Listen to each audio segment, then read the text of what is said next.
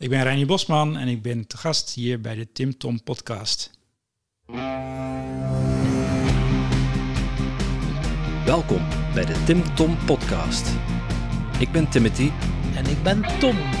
Samen zijn wij jouw GPS naar geluk en succes. Dag lieve luisteraar. Ik kan me zo maar voorstellen dat je tijdens het luisteren van deze podcast plotseling zin krijgt om van alles op te schrijven. Wat zou jij nu werkelijk willen met al die inspiratie en al die inspirerende gasten? Maar dat is nogthans helemaal niet nodig. Oeh, dat is niet nodig. Hé, hey, kan ik dat niet allemaal niet onthouden? Ze? En eh, wie gaat dat opschrijven voor mij? De kaboutertjes misschien? Nee, maar dat hebben wij al voor jou gedaan. Surf naar www.timtompodcast.com en daar vind je een blog boordevol tips en wijze inzichten van onze gast. En als je er dan toch bent, download dan meteen ons gratis e-book vol boekentips, luistertips en nog meer inspiratie voor jouw persoonlijke groei. Tom, Tom, Tom, Tom, Tom. Waar zijn we nu weer beland? Ja, waar zijn we nu beland? Ik had u Waar gezegd. zijn we nu beland? Ja, inderdaad. In de presence, denk ik dan. Ja. Maar eh, ja, heel bijzondere gast. Ik ken hem nog niet lang. Om, eh, denk misschien twee, drie weken. Ik heb gezegd, Timothy, nu heb ik iemand ontmoet. Die moet en zal in onze podcast komen. En ik dacht, het is een dame, want ja, daar gebeurt wel vaker bij Tom. maar nee, het was eh Renier Bosman. Klopt. En eh, jij was zo onder de indruk van die man. Zeg, hij is echt zot. Een, eh, een ingenieur die dingen in de ruimte gebracht. Zijn Ja. kindje zit daar in de ruimte, waar we het straks over gaan hebben. Ja. En die heeft dingen met mij gedaan, zeg je, dat niet vermogen. Niet normaal. Je kunt eh, uren, maanden eh, mediteren, vipassana's doen om in die staat van bewustzijn en het nu te zijn, in de presence. Maar hij wist dat te doen bij mij op eh, vijf seconden. En ik zeg, op vijf seconden was ik, kon ik niet meer denken, het piekeren was uitgeschakeld en kon nog primaire gedachten. Maar dat was zo'n zalige staat. Ik dacht van, Timothy, dat wil ik u ook een keer laten ervaren. Dus je kon alleen nog maar aan eten denken, eigenlijk. Ik kon aan niks meer denken, jongen. Oeh, zelfs dat niet. Nee. Jawel, we gaan niet langer wachten, want eh, ik eh, ben heel erg benieuwd, Tommeke. Ja. Dag Renier. Hey. Welkom bij ons aan de podcast. Ik zet hem even wat zachter. Yes, Daar hebben we geen last meer van. Ah, daar zijn we. Hartstikke leuk man. Ik eh, ben benieuwd wat dit gesprek ons eh, heen brengt. Want ja, Tom heeft het jou misschien al verteld, maar wij bereiden ons nooit voor. Nee. En eh, ik hoorde dat jij daarvan smult. Ja, ik vind het geweldig als mensen die iets niet voorbereiden. Ik moet wel stiekem zeggen dat we altijd de voorbereiding door onze vorige gast laten doen. Ja. En ja, die laten we ook aftrappen. Ja. En het is een pittig onderwerp dit keer. ja, de vraag van de vorige gast, ene Giel Belen, misschien u wel bekend, eh, Ja, zeker. radio, DJ en zo, maar ook wel nu Ja. enorm bezig met spiritualiteit, met zijn podcast Koekeroe. En die had een vraag, en ja, we hadden wel al even gezegd, we gaan bij Renier, eh dat is iemand die de presence doet. Oké, de presence, ja, zegt hij, dan wou ik wel eh, een keer iets weten. En eh houd u vast aan de takken van de bomen. Hij zei van, ja, seks, dat is in het nu zijn. Maar ja, soms heb je ook gedachten, verkrampingen, dat aan het kreunen zijn. En hij vroeg hem af, ja, hoe heb jij seks? Nou, ken ik helemaal. En ik, ik, ik ken natuurlijk eh, seks van voordat ik presence kende. En ik kan seks van, eh, van daarna. En ehm, ik, ik, kijk, presence is een zaak eh, waarbij je, of een staat eh, van leven waarbij je eigenlijk eh, de mind een heel stuk aan de kant is gegaan. Waardoor dus gedachten eh, behoorlijk eh, afwezig zijn, maar niet helemaal afwezig. En bij seks is het zo dat je heel veel zintuigelijk, het is een beetje een technisch verhaal, maar, maar wel relevant denk ik. Er is natuurlijk eh, zintuigelijk, hè, qua gevoel, eh, zijn er heel veel delen van je lichaam die je normaal niet gebruikt. En, eh, en daar dus wel worden aangeraakt. Dus een hele lichte streling is iets bijvoorbeeld wat, eh, ja, wat, wat heel voelbaar in je lichaam is. En dan moet je weten dat in je lichaam de, de meeste zenuwen niet alleen in je hersenen aanwezig zijn, maar ook bij je hart. En ook in je ingewanden, hè, dus je buik zeg maar. En, maar ook in de rest van je lichaam. Dus een pianospeler, die zegt, ik wijd een beetje uit, maar ik vind het wel leuk. Hm. Een pianospeler, die heeft dus een, eh, een loopje geleerd en dat met een heleboel eh, oefening. En, en ik, ik als toetsenist van de band had dus dat ik met name de eerste noot moest weten. Dus soms had ik van, is het nou een bes of een G? en, eh, en dan soms dacht ik, oh, ik heb het toch goed gedaan. Maar meestal wist ik de rest uit mijn hoofd. Niet uit mijn hoofd, het zijn dus eigenlijk de eh, motorische zintuigen, of zenuwen tussen de, de tip van je vinger en dus je, je cortex. Van je, van je, dus je hebt hier ook een heel stuk mechaniek eh, aansturing vanuit de achterkant van je hersenen. En dus alle zenuwknopen waar dat langskomt, die prikkels, van dat je je vingers beweegt, die slaan ook dingen op. Er is dus een heleboel lichaamsgeheugen.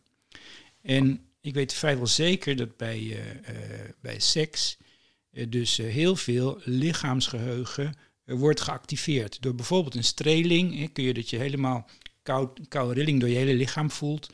En dan gaan dus allerlei paden geactiveerd worden die je normaal niet hebt. En dus de herinneringen die daarin zitten, die kunnen ook weer actief worden. En ik denk dus dat een heleboel van die gedachten die in je op kunnen komen, prettig of onprettig, tijdens de seks, eh, heeft denk ik te maken met dat dus die dingen weer vrijgemaakt worden. En als je dan eigenlijk daarin ruimte kan geven en het niet gaat onderdrukken, dan is zowel de seks beter als dat je die dingen eigenlijk gewoon eh, de weg naar de uitgang eh, wijst. En, maar over presence gesproken, dus de gedachten die in die seks naar voren komen, is in mijn ogen dus gewoon in de normale presence. Oké. En als je het naar jezelf toetrekt, wat, wat wat is dan het verschil tussen voor de presence en na de presence?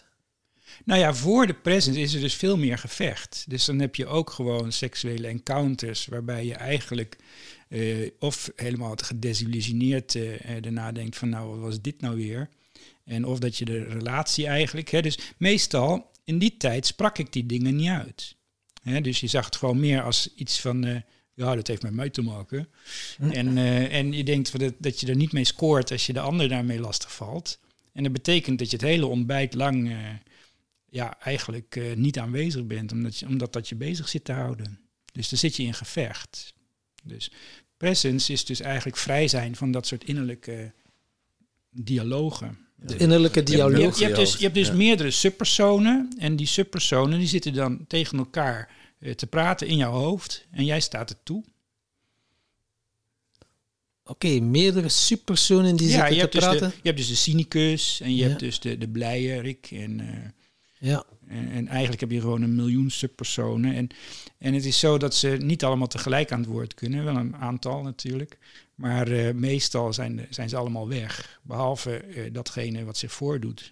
Ja, het, het was gisteren. het was Die heeft altijd een mening, die subpersoon. Hè? Dus, dus in de presence is dus die mening eigenlijk Ja. weg. Het was wel vorige week ook in de podcast, dat, dat boekje Ik en mijn andere ikken, wie zit er aan het stuur? Eh, dus dat, dat zijn die subpersonen waar dat jij het over hebt. Precies. Ja. Precies. Ja, die Muppets die, eh zeg Ja. je dat? Eh, de, de beestjes in je hoofd of de mensen, de, de persoon op je schouder die elke keer in je oor zit te roeptoeteren. Eh, Ja. Zou je dat wel doen? Dat moet je niet doen, dat is gevaarlijk. Of, Ja. oh, je bent niet goed genoeg. Ja. Die, Ja. eh, En, en je hebt ook nog eh, diepere muppets, eh, zoals het gewetene, die dus eh, je ergens aan kan herinneren of zo. Dus die moet je misschien weer wel naar luisteren. Maar op het moment, en dat is een beetje wat met meditatietechniek eh, verkeerd gaat eigenlijk. Eh, het moment dat je dus eh, probeert te categoriseren of het nou goed is of fout enzovoorts, dan ben je eigenlijk al uit de presence. Dan, dan gebruik je de mind om dus het goede uitkomst te, te, eh, bespoedigen. Nu zijn we er al heel vrij. Hè. Nu zijn we al met andere in de presence. Dus ja, hoort van alles. Hè. Mensen willen in het moment zijn. Hè. Ze gebruiken meditatie. Hè. Focus je op je neus, op je ademhaling. Dan hoort ook de kracht van het nu van Eckhart Tolle. De presence. Ja, om den duur hebben mensen zoiets. Ja, ik wil gewoon mij goed voelen en gewoon in het moment zijn. Hoe, eh, wat is het onderscheid of het verschil? Nou, het verschil is dat eh, normale mensen die zijn heel erg druk bezig om in dat eh, prettige staat van leven te zitten. En ehm, Het is eigenlijk zo dat, dat noem ik leven in dualiteit. Dus het geloof dat die dualiteit waar is. En eh, dat betekent dat wanneer je streeft naar het goede, dan, eh, dan kun je dus eh, een victorie halen, overwinning. Hè? Dus dan krijg je de partner van je leven, whatever. Of misschien dat het wel helemaal niet de partner van je leven is. En dat is dus omdat er gestreefd wordt naar een van de twee smaken. En het is zo dat dus, er zijn geen twee smaken. Dat is zeg maar één muntstuk met twee kanten. En bij de ene kant krijg je de andere altijd gratis erbij. En, eh, maar in presence, dan hecht je geen waarde aan die ene kant. Dan ben je niet bezig om, eh, om, om een, een blij gevoel te hebben. In presence eh, zeg je van, oh, oké, nou, vandaag is kut. En morgen is, nou, dat was whatever. Dan is en dan eigenlijk krijg je dan dat je die, die, die, die duizend shades of grey, hè, dat je eigenlijk het leven gewoon vandaag is het zo en dan is het zo. En, en dan ben je eigenlijk een, zit je ook eigenlijk in de bioscoop, maar zonder dat je slachtoffer bent. Het is dan en-en in plaats van of-of. Ja. En dan, ja, oké, de presence. Mediteren, ja, doe dat regelmatig. Maar eh, dan blijven er maar gedachten komen. En dan Ja. eh, heb je zoiets van, wow, ja, die lotushouding, dan zit het daar, dan zit het er ongemakkelijk, dan heb je pijn. Ja, heel eh, comfortabel is af en toe niet. En nu zit ik wel meestal op een stoel om eh, te mediteren. Eh, 20 minuten lukt nog, maar als ik eens een keer uur wil mediteren, dat lukt, dat lukt niet. Ik heb veel te veel pijn. Maar, als je, maar als je verder in meditatie komt, hè, dus ik heb eh, 30 jaar echt alles afgelopen wat dat betreft. En op een gegeven moment gaan mensen je uitleggen dat eh, er werd heel vaak gezegd van oké, hoe stil is iedereen bij ons? En dan hadden we meditatie en zeiden ze en ben je mooi stil? En eh, bij eh, die leraar, was bij Van Wouden dan, ja, daar zeiden ze van nou, eigenlijk is het de bedoeling dat je dus die stemmen, dus een, een, een, rumoerige meditatie is eigenlijk dat je het goed doet. Eigenlijk is het zo, als je dat dus los kan laten, zeg maar, hè, dus alles, alles is gewoon zoals het is, en het kan laten vertrekken, ja, dan ben je pas aan het cleanen. Maar iedereen die in zijn meditatie naar een stilte streeft, ja, dan hoor je al streven. En dan ben je bezig met de keerzijde dat het dan niet stil wordt. Is dan je ego dat in de weg zit? Hoe moeten we dat zien? Nou ja, dus de, de stille staat is eh, gedefinieerd bij mij als afwezigheid of significante afwezigheid van het ego. Ja, maar ernaar streven is dan weer het ego dat in de weg zit om daar te Nou, komen. het stre- degene die streeft, de strever, is een persoon van het ego. Ja. En, en is een, eh, voor een meditatie een hele vervelende persoon. Die wil je dan niet hebben. Wordt dan ook wel eens gezegd het spiritueel ego. Dan. Nee, spiritueel ego is weer wat anders. En je hebt dus de, de, eh, de, de beginner, zullen we maar zeggen, op het spirituele pad. Ehm, en die eh, streeft naar eh, stilte, zal ik maar even heel eenvoudig zeggen. En dan op een gegeven moment heeft hij dus een, eh, een retreat en, eh, en heeft daar een goddelijke ervaring. En, eh, en, en die kan, nou bij mij was het dan zes weken lang, ja. Dat ik, dat ik zweefde boven de grond, zeg maar. Niet letterlijk, maar voor mijn gevoel. En dat ik me prins heerlijk voelde, zeg maar. En dan komt het spiritueel ego. Na die zes weken, dan zeg je, oké, dat, dat kan ik al. Dat, dat is hem. Dus het, eigenlijk is het zo op het spirituele pad, dat eh, het spirituele pad eh, heeft dus te maken met, eh, met overwinningen en met terugval. En allebei moet je zorgen dat ze je niet uitmaken. Dus bij de overwinning, oké, ik ik heb gewonnen. Het is net, net zoals met golf. Ik weet niet of jullie wel eens gegolfd hebben, maar als je wat vaker golft, is het zo dat je gewoon een ontzettende map maakt op een gegeven moment. Hè? En nou ja, zeker in het begin, dan weet je niet precies waar dat nou precies aan lag. Ja? Maar ja, daarna, die, die slag daarna. Dus dan heb je meestal eh, de neiging om jezelf een compliment te geven. Van, wow, die was goed, weet je wel. Hè? Je, je pakt je winst op dat moment. Nou, zodra jij je winst pakt, dan is de volgende klap, die is uien. Echt, die gaat alle kanten op, behalve waar die naartoe moet. En bij golf is een van de belangrijkste dingen om dus te zorgen dat je zegt dat je niet je winst pakt. Je mag je winst pakken, maar dat doe je na de laatste hol. Oké. Ja. En dat geldt met wedstrijdzeilen ook. Hè? Dus eh, eigenlijk van in, het, in de presence blijven. Maar spiritueel ego is dus van, ik, oh, ik ben verlicht. En dan zeg je zo, ja, dan ga je, ga je familie of je, of je partner of zo zeggen dat je verlicht bent. En ik kan je vertellen, op dat moment lig je er alweer uit. Ja, dus dan had je het wel. En, eh, maar juist het uiten dat je het bent enzovoort, dat is een nieuw ego. Dus het, eh, dus is even erg als het eerste ego, maar je, je was wel een stapje hoger op de trap. Ja, ja. Nou, dit eh, voelt aan als een, eh, Een spiritueel uitstapje, dus uh, degene die Ja. niet geïnteresseerd zijn in spiritualiteit, die mogen hem nu afzetten. Eh degene die er alles over willen horen en willen zien, eh, willen ervaren misschien wel, die eh, nodig ik uit om te blijven luisteren. Renier, ehm, ja, de presence, hoe is het op jouw pad gekomen? Want je zegt net, ik, eh, ik heb 30 jaar eh, me- verschillende meditatietechnieken geprobeerd. Het heeft me allemaal niet helemaal gebracht waar ik wilde zijn. Of misschien wel, maar het heeft je heel veel moeite, tijd en energie gekost. Terwijl eh, je in de voorbespreking, voorbespreking kon horen bij Tom, konden de luisteraars horen, ja, het kost amper vijf seconden om in de presence te komen. En dat is juist hetgene waar je naar streeft als je gaat mediteren. Ja. Dus ja, hoe, hoe is het op jouw pad gekomen? De, presence. Nou, eh, veel van de mensen die spiritueel pad bewandelen, hebben moeilijkheden gehad in hun leven. Eh, nu had ik een vrij ideale eh, jeugd, dus daar kwam het niet vandaan. Maar in mijn studie had ik, een, had ik wel een onmogelijke liefde. Ik was een laadbloeier. En ehm, bij mijn studie had ik dus op de verdieping iemand ja, waar ik dus echt, ehm, ik denk van die is, die is voor mij, die is, die is voorbestemd. Hè? Dus, eh, ehm, en, en er kwam een klein stemmetje bij me die zei, ja, als het voorbestemd is, dan hoef je er niet voor te knokken. En, en zij was namelijk eh, van, eh, van een medebandlid eh, de partner. En ik dacht van ja, nou dan wil ik ook geen roet in het eten gooien en whatever. En, maar afijn, ik ben daar dus afgeketst, zal ik maar even zeggen. En dat heeft mij zeven jaar lang geblokkeerd. Voor andere relaties en eigenlijk ook in een soort depressie geworpen. Dus eh, enerzijds was ik een alleskunner. Hè, dus eh, allerlei sporten, wedstrijdzeilen, whatever. Allemaal bloedje fanatiek. En anderzijds eh, kwam ik later in de ruimtevaart terecht. Dus dat is super rationeel. En anderzijds deed ik ook weer dat ik eh, dus vanuit mijn moeder kunstacademie ben gaan doen in mijn vrije tijd. En, ehm, en ik was dus met die depressie zat ik eigenlijk. Dus daar heb ik psychologische hulp voor gezocht. En eh, gezien dat je daar, eh, ja, dat ze gewoon eh, twintig sessies met je doen. En dan pulken ze met of het aan je moeder lag of zo. En dan, dan is er iets opgelost. Maar niet hetgene waarvoor ik kwam. En ik dacht van, oh nou, het is nu wel klaar. Dat was voor mij psychologie in een notendop. En ehm, heb ik nog wel eens vaker ook meegemaakt in andere vorm. En, en ik, ik had het daar dus niet zo mee. En ehm, eh, nou ja, toen kwam spiritualiteit op mijn pad.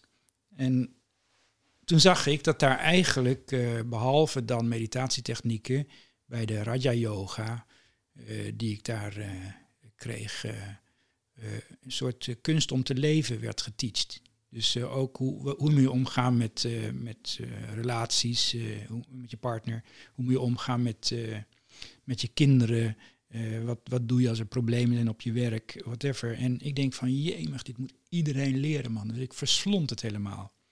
En, ehm, nou, en ik had iets van, nou, ik moet dus die rationele kant en die kunstzinnige kant, die ik allebei eh, open had staan, eh, die moet ik allebei, ja, die moet ik bij elkaar houden. Dus Zo'n zo'n mind die weet dan de oplossing. Zei, oké, dat moet je bij elkaar houden. En ik vond spiritualiteit daar... Nou ja, dat boeide me ook met wat het me opleverde. En eh, ja, was je vraag met hoe eh presence op mijn pad is gekomen. Ja. hè?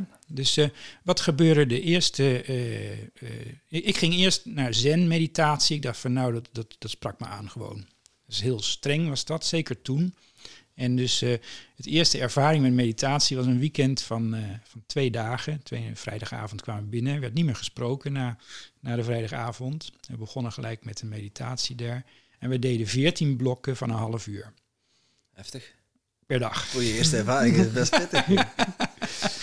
En, eh, en ze, en nou ja, het was dus ook eh, eh, stoïcijns, zeg maar. Dus ze kwamen met een, me- met een houten plank langs je ruggengraat. En dan wezen ze precies aan waar je nog afweek van de plank.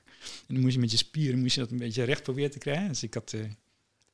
en, en, fijn, en ze, ze nodigden je uit om dus gewoon de hele dag lang in die, in die, in die nette zittingen te... eh, ze vertellen ook bij dat ze vroeger nog met een bamboe eh, stok... eh, Corrigeerde. klappen uit, uitdelen.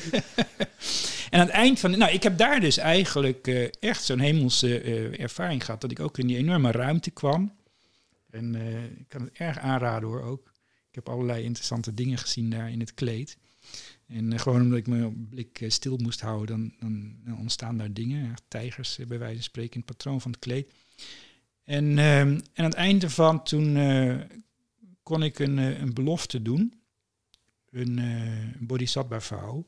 En bodhisattva is dus eigenlijk iemand die ja, de Boeddha-natuur tot zijn, tot zijn doel verheft. In de zin dat de bodhisattva, die, die stelt zich beschikbaar aan de mensheid. ehm, om de mensheid tot verlichting te brengen. Zen was toen heel erg, of tenminste die, die stroming was heel erg van nou, eh, het is mooist als iedereen verlicht is. En de bodhisattva die eh, stelt zich beschikbaar om eh, in de reïncarnatiecyclus net zo lang terug te komen totdat iedereen aan de andere kant van het hekje is.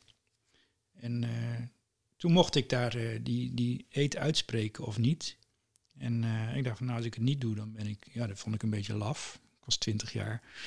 En eh, vond ik niet zo nodig. Als ik hem wel deed, dacht ik, nou ja, eh, ja, waarom niet? En ik, ik, ben over, ik ben eigenlijk, als ik zie, ik ben nou 60 jaar. Ja, en ik was toen 20. En als ik zie hoe dus de spiritualiteit eh, op mijn pad zich heeft ontvouwen, dan kan ik alleen maar zeggen, en terwijl ik ingenieur ben van beroep, ja, en nu ook nog. En kan ik alleen maar zeggen dat er dus een heleboel op mijn pad is gekomen waar, wat, wat daarmee te maken had. Een heleboel mensen, een heleboel teachers, eh, vriendschappen. En, eh, en dat is een van de dingen die mij het diepst raakt in mijn leven ook. eh. ik, Die te maken hebben met die eten die je toen hebt afgelegd. en nou ja, ik, heb, ik, ik wil niet zeggen dat ik die daarna vergeten ben, maar ik, ik, want ik was eigenlijk, ik deed mijn hele, ik, ik was een bloedje fanaat met, met, want ik heb denk ik wel 34 verschillende stromingen afge, afgeschuimd. En eh, in- inclusief intern enzovoort. En ik deed overal mijn, nou ja, ik plukte overal gewoon mijn, mijn, mijn leermomenten uit. En, eh, en mijn ervaringen. En eh, ik vond het allemaal even mooi, want alle spirituele stromingen eigenlijk zijn bezig om jezelf, rottigheidjes die er in je geheugen zijn opgeslagen, je lichaamsgeheugen, of hoe je het wil noemen, om die op te lossen. Dus en er zijn mensen die zeggen, eh, leraren of, of stromingen die zeggen van nou, eh, het is ook nuttig om, eh, om de rotzooi van je voorouders op te ruimen. dus je kan er allerlei dimensies mee aan de slag. En het is ook iets wat, het is niet zo van oh je bent verlicht en dat je dan klaar bent of zo. Dan komt gewoon de volgende uitdaging. In het spirituele leven heb je dan, stel je je open voor de uitdagingen die er op je afkomen. En, en dan de kunst is om die uitdagingen niet af te wijzen. En eh, ik wil zeker zeggen dat ik eh, sommige uitdagingen niet aanpak. Dus eh, dat, je, je, bent toch, wat dat betreft, is altijd nog ego. Dat je denkt van nou, ik zeg maar wat, ik hoef mijn hoogtevrees niet te overwinnen. vind ik niet zo nodig. Ik hoef, ik hoef niet te gaan parachute springen, spreken. Dus iedereen heeft zo zijn dingetjes. En, en, en soms komt parachute springen dan op je af, bij wijze van spreken. Maar vaak ook niet. Oké, en als je dan... Maar dus ik ben dus presence. Dus op een gegeven moment. Nou, ik heb dus de hele wereld eh, eh, afgelopen om dus ten eerste dus eh, mezelf schoon te maken. En ehm, nou, ik was vanuit Zen dus gevoorprogrammeerd dat, dat, dat mijn leven het belangrijkste was om verlicht te worden. En toen op een gegeven moment had ik iets dat dus die eet ook indirect bij mij maakte dat ik wel verlichting wilde leren aan mensen. Dus ik heb toen eerst heb Maar ik. eh, Kun je even kort uitleggen wat die eet was? nou, dat ik dus eh, net zo lang eh, in een menselijk lichaam terugkom qua re- reïncarnatie totdat de hele mensheid verlicht is. Ja. En ik zag laatst zag ik een programma waar zo'n bodhisattva vrouw pleger opbiechte dat hij er helemaal niks meer aan gedaan had, zullen we maar zeggen. Maar hij vertelde ook, op een bepaald niveau ben je toch beschikbaar. Dus als er iemand met een vraag naar je toe komt, dan ben je wel. Maar het is niet zo dat je zegt, nou, ik ben Jezus en ik ga het allemaal doen. En, eh, en ik dacht op een gegeven moment, ik ben Jezus, met present, nou, ik ben Jezus en ik ga het wel doen. En ik ben er verschrikkelijk mee op mijn snuffert gegaan. Dus eh, er zijn allerlei eh, variaties en, en dat is allemaal mooi, denk ik. Maar spirituele mensen waar ik ontzettend van kan genieten, is dat die mensen gewoon heel eerlijk alle rottigheid eh, aan probeer te gaan. En, eh, en eigenlijk zoveel mogelijk daarvan proberen op te lossen. En, eh, en ik, ik had iets van, nou, ik, ja, ik ga het een beetje van de hak op de tak. Ik had iets, Houden ik dacht, ik dacht, ik had iets als bodhisattva. Dus, en kwam ik in een snackbar en dan zag ik van die hooligans daar die elkaar een beetje half in elkaar timmerden. En dacht ik van nou, ja. En, en of iemand vroeg of ik een cursus wilde geven in een gevangenis. Ik ja, ik ga geen presence aan gevangenen leren, weet je wel. Dus er zijn dan nog steeds stukjes ego die dan toch weer voor bepaalde paden blokkeren. Maar ik, ik probeer altijd te kijken wat een eh, echte meester zou doen in de vraagstukken eh, die op mij afkomen. En als ik, als ik denk van oké, een echte meester zou dat doen, dan is het altijd nog een flink stuk dot eh, moed die je moet hebben om dan hetzelfde pad in te staan. een ja, ja. ja, ja, met een D. Dat is echt niet makkelijk. Wat je, ik, ik ben altijd bezig met eh, te kijken wat de hoogste kwaliteit oplevert eh, voor de mensheid of voor de kosmos, whatever. Dus bij die presence, had je dat geleerd door alle opleidingen die je gevolgd hebt? Of was er één specifieke opleiding? Nou, dus de. Nee, dus. Nou ja, geen idee. Geen, ik kan nou vert- alleen vertellen wat er is gebeurd. Hè, Dus eh, ik ben overtuigd dat eh, heel veel leerprocessen op een onderbewust niveau een heleboel troep opruimen. Dus, dus op dat niveau kan ik helemaal niks van zeggen, want het is bij mij ook onbewust. Ehm, maar wat ik wel kan zeggen is dat ik toen ik dus... eh, e- eerst ben ik begonnen met een cursus en dat heette 10 wegen naar eh, verlichting. En eh daar heb ik best wel meer mensen gehad. In een kerkje had ik een ruimte en heb ik best wel... Ja, dat was ook prachtig om te geven. En wat ik dan deed, is dat ik dus bijvoorbeeld het pad van Osho... had ik dus oefeningen erin en ik vertelde dat Osho eigenlijk voor leraar was. En eh, heb ik ook over zen hè, en ik heb het over pranayama enzovoort. En elke keer deed ik oefeningen met de groep die speciaal daarin waren. En de kundalini yoga enzovoort. En eh, dat was heel erg leuk. Maar toen werd ik dus, ik, ja, ik had ook wat, eh, wat vriendinnen op het spirituele pad. En die zeiden mij dus van ja, weet je, Renier, het is wel leuk dat je daar les over geeft, maar je bent niet verlicht. En dat is niet zo handig. Eigenlijk is het. en ik denk van ja, dat, dat klopt. Dus, eh, dus je krijgt dan van die, van die hulpjes die je eh, uitleggen van eh, wat wel handig is daarvoor. En nou, uiteindelijk was het zo dat. dat oh ja, toen ben ik eerst naar Van Wouden, dat is wel leuk om te vertellen. En daar kreeg ik mijn eerste levende leraar. Want die. Wie Finn Wouden? Van, Van Wouden, dat is, een, eh, ja, dat is een centrum wat eh, op dit moment eh andere naam heeft. Ik ben de naam even kwijt. Maar in ieder geval Van Wouden kun je nog wel vinden. En die was, een, was opgericht door Ted Wilson. En die heeft een heleboel mensen opgeleid eigenlijk ook op het spirituele pad. En nou, daar hebben ze een landgoed, eh, heeft hij kunnen kopen in de tijd. grote piramide opgezet en grote leslokalen. En is enorm gegroeid. Eh, ik ben geneigd om te zeggen dat wat eh, semi-intellectuele of, of ja, van gegoede doen eh, mensen daar vaak kwamen. Maar ook mensen die, ja, ook, ja, gewoon mensen die op zoek waren. En ehm, ehm, even kwijt waarom ik Van Wouden aan. oh ja, en toen, toen vertelde ik dus op een gegeven moment, want, want, Ted die had dan van die eh, momenten dat je daar eh, bij de dagopening vragen aan hem kon stellen. En eh, dus op een gegeven moment ja, kwam daaruit dat ik daar zat op dat kussen en ik had het erover dat spiritu- ja, verlichting dus mijn hoogste doel was of zo. En toen zei hij gedenkwaardige woorden. Hij zei nou, je kunt zo verlicht zijn als wat, maar als je met mij niet door een deur komt, dan heb je er niks aan. en dan zie je zo'n spiritueel ego, die heeft dan een beeld gemaakt van ja, verlichting, dat is iets heiligs en, eh, en dan voel je je lekker en, en, en vul maar in, kleur de plaatjes. Nou, verlichting is dus helemaal niet daarover. Wat is verlichting dan wel? Nou, eh, ehm, ja, eh, ik, ik probeer even een antwoord te maken waarmee je niet weer een volgend beeld krijgt, wat verkeerd is. Eh, eigenlijk is het eh, verlichting, eh, heeft heel veel te maken met het begrip God. En als je kijkt naar de Joden, die, ik meen, ik weet er niks van hoor, maar ik meen dat die zeggen dat er voor God wel duizend namen zijn of zo. En, maar er zijn er veel meer. Eigenlijk elke beschrijving. Oké, voor mij is er iets wat intellectueel is in de kosmos. Dus eh, het is niet zo dat, eh, dat de mensheid eh, evolutionair ontstaan is, voor mij.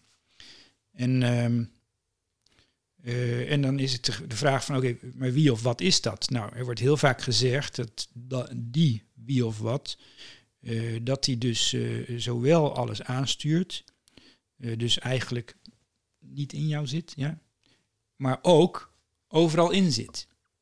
Dus eh, elke cel van je lichaam, maar ook elke atoom en nog veel kleinere deeltjes, hij zit overal in. En, en hoe kan dat dan? Nou, als ingenieur eh, kun je dus zeggen dat zo'n eh, nou, een fractal is het niet, maar hoe heet het nou, zo'n 3D eh, eh, Een 3D. beeld. Zoals je een 3D-foto hebt. Met, maar dan met, met laserlicht, zeg maar. Ja, is dat niet welke, waar je, welke kant je op wilt, maar Nou, in ieder geval is het zo dat met zo'n eh, 3D-beeld dat je dus, eh, eh, als, je, als je dat op een, met een spiegel doet hè, en je breekt de spiegel en je kijkt in een deel van de spiegel, dan heb je nog het hele deel. Ja, en dat is hiermee ook zo. Dus met, met God is het zo dat eh, of je nou naar één cel in je lichaam kijkt of naar je hele lichaam, hè, dus als systeem, en, en, eh, of misschien naar je hele familie enzovoort. Op al die niveaus is er een godheid. En ehm, en, en dan kun je zeggen van oké, eh, is, is God eh, eh, wel eens boos bijvoorbeeld? Hè? En ehm, eh, wat mij betreft, ja, dat is dan misschien een verkeerd voorbeeld. Maar in ieder geval, ehm, eigenlijk is dus elke benaming die je aan God geeft, dat is hij. Ja? Maar hij is het ook niet. Sterker nog, hij is het, het algemeen is hij het niet. Ja, dus eh, boos bijvoorbeeld is hij bestaat, maar in het algemeen niet. En dan, dat is ook voor mensen zo. Hè? Dus eh, wij kunnen boos zijn, hè, die subpersoon, maar ehm meeste van de tijd zijn we dat niet. Sommige, sommige extreme gevallen kan het wel eens wat langer duren. En dat geldt voor God ook. En dus als je, eh, als je God de boze man noemt, dan eh, zit je ten eerste, hij is niet altijd boos, en ten tweede is het niet altijd man. Eh, Dan kun je zeggen, nou ja, de heks, eh, ja, maar hij is niet altijd vrouw, enzovoorts. En, en het is voor spirit, dus verlichting gedraagt zich net zoals God. Dus als je een beeld, de meeste mensen hebben over verlichting een bepaald beeld, hè, van Eckhart Tolle overgekregen of vanuit jezelf. Meestal hebben ze, als je gewoon iemand noemt van, als ik een willekeurig iemand op straat vraag wat is verlichting, dan kijkt hij eerst misschien naar mij, maar, maar als hij zelf gaat nadenken erover, dan komt er iets. ja, de meesten zouden zeggen, je moet- Ja, die kijk- lanta- die kijk- lantaarnpaal ja, daar. Kijk naar die. Kijk naar die kerstboom. Dan Ja, kom je verlichting. Verlichting, ja. Straatverlichting. ik heb overal mooie verhalen over, over straatverlichting. Maar eh, ik, ik heb wel eens een, eh, ik merkte dat je dus de hersenen kan beïnvloeden door eh, pulseringen. en dat kun je weer, dat kun je ook subliminaal doen. Toen dacht ik, oh, maar dan kun je het ook in de straatverlichting stoppen. Ja. Ik dacht, nou ja, straatverlichting. Maar in ieder geval, verlichting, ehm, zo, zolang je daar een beeld van hebt, hè, dus dat een, een slechte staat van zijn, dat dat er niet, toe hoort, niet bij hoort, ja, dan, wanneer die slechte staat van zijn zich aankondigt, en dan denk je, dan denk je, denken, ik zit er niet in. Maar hoort er ook bij, krijg je allemaal bij. Het is all, all in the package. Ja, en, en, eh, en de, me- de, de mind die is getraind om overal een label aan te geven. En dan vervolgens te geloven dat het label klopt. En je krijgt een hele andere eh, manier van leven. Wanneer je dus eh, ehm, wel een label eh, misschien aanbrengt. Maar het, het helpt wanneer je ervan uitgaat dat het label misschien niet klopt. Ja. Dan ben Ja. je veel vrijer. We hadden wel een aantal gasten in de Ja, podcast dus bijvoorbeeld, pardon, bijvoorbeeld eh, wanneer ik een probleem heb met een collega van me, hè, omdat hij dus, eh, weet ik veel, zijn werk weer heeft laten liggen of wat dan ook, dan is het heel prettig wanneer ik die collega vraag hoe het zit. En dan heel vaak kom ik erachter dat ik dus mijn boosheid niet op zijn plaats was. Dus, dus eh, we hebben heel snel een label geplakt. En eigenlijk eh, nu met mijn 60 jaar, als ik terugkijk, eh, concludeer ik dat ik bij alle labels zo'n beetje die ik geplakt heb, waarschijnlijk ongelijk had. Alle labels. En dan word je opeens heel erg nederig. Heel erg nederig. En dan denk je, nou, ik heb nog wat te doen. Ja, omdat het die labels plakt met de mind. Ja, maar ook op het spirituele pad is er dus altijd nog een stukje mind. Hè? Dus Mm. bij presence ook. Bij presence is eh, de eh, hoeveelheid gedachten eh, in het algemeen eh 20% of lager. Maar eigenlijk is dus die 20%, daar zitten nog labels. En, en die zitten dan op een, een- nou ja, dus die factor, factor 5 zitten de labels dan eh, dat ze minder eh, duidelijk aanwezig zijn. Maar dat betekent niet dat er geen venijn in zit enzovoorts. Ja, er zit altijd een mening in. Nou, maar het zijn de dingen die je niet opgelost hebt dan. Hè, Ja. ook. Dus, de, dus die zijn soms helemaal niet leuk. Oh, oh, ja, je, je hebt soms een zelfbeeld dat je, weet ik veel. ehm, ik, ik, ik ben nou bezig met mijn haar of zo. Hè, en dan denk ik van nou, mijn haar is het niet goed. En, eh, dus, dus, eh, en daar dan in ontspannen En overgeven. en overgeven. Ja. En, en dan krijg je, en, dan- en dan luisteren naar anderen. En iemand anders zegt van nou, ik ben jaloers op je haar. En dan krijg je dat. En, en, en dan denk je, ja, de, de, kijk, de mind die zegt, ja, dat kan toch niet? ik, ik had een leraar, die, ik had, de eerste meditatietechniek die ik kreeg was Hong So. En eh, dus ik eh, Hong So, Hong So, Hong So, Hong So, ja, met mijn adem. En eh kwam ik bij een andere school en zei, het is So Hong. Ik zei, ja, dat klopt niet, zeg ik. ja, maar het is So Hong. En eh, nou, dat zijn van die dingen. En dan, en dan zie je dat er helemaal niks waar is. Want je kunt het allebei doen. Of alles is waar. Ja, alles is waar en niks is waar. En dan, en dan ben je open voor, voor datgene. Dan ben je echt pas weer aan het luisteren en, en in de werkelijkheid beland. Maar er is een heel groot stuk mentale werkelijkheid. En wij kunnen dus de echte werkelijkheid niet zien zolang die labels door ons gelezen worden. En, en, en, eh, ja, en we daaruit handelen. Ja, en zelfs daarop hebben we een label geplakt. Ja, Eh, de labels die hebben een heleboel lagen. Ja, want we, hadden, en dat wou ik net zeggen, want we hadden een aantal gasten in onze podcast waar eh, ja, dit ook wel aan bod komt. En waar we het uitgebreid over hebben. Eh, een van de quotes die mij uh, dan bijstaat is jij en ik bestaat niet. In een T. Van Patrick Kikke. En dat gaat dan, ja, het ging over non-dualiteit. Ja. En ja, ik voel ook wel sterk van Ja. eh, dat, dat, dat labelen, dan eh, dat zwart-wit, dan zit je in de dualiteit. Ja. Eh, we hebben er zelfs een naam voor, non-dualiteit. Dus dat, dat je, dat je geen, geen waarde meer hecht aan dat label. Nee, nu ben je weer een label aan het maken. Dus Ja, jouw label non-dualiteit heeft een vorm. En eh, in de eh, verlichting eh, heeft dus niet een gedefinieerde vorm. Het gaat om die niet gedefinieerde vorm. En dat is heel moeilijk te vatten. Eh, en, ook moeilijk uit te leggen, merk ik. In ieder geval moeilijk een beeld van te vormen, want het kan eigenlijk niet. Nou, dus zodra je dus non-dualiteit een label geeft, hè, van dit is non-dualiteit, dan heb je dualiteit, maar dan heb je dus iets anders wat dus niet non-duaal is. Dus dan zit je niet in non-dualiteit.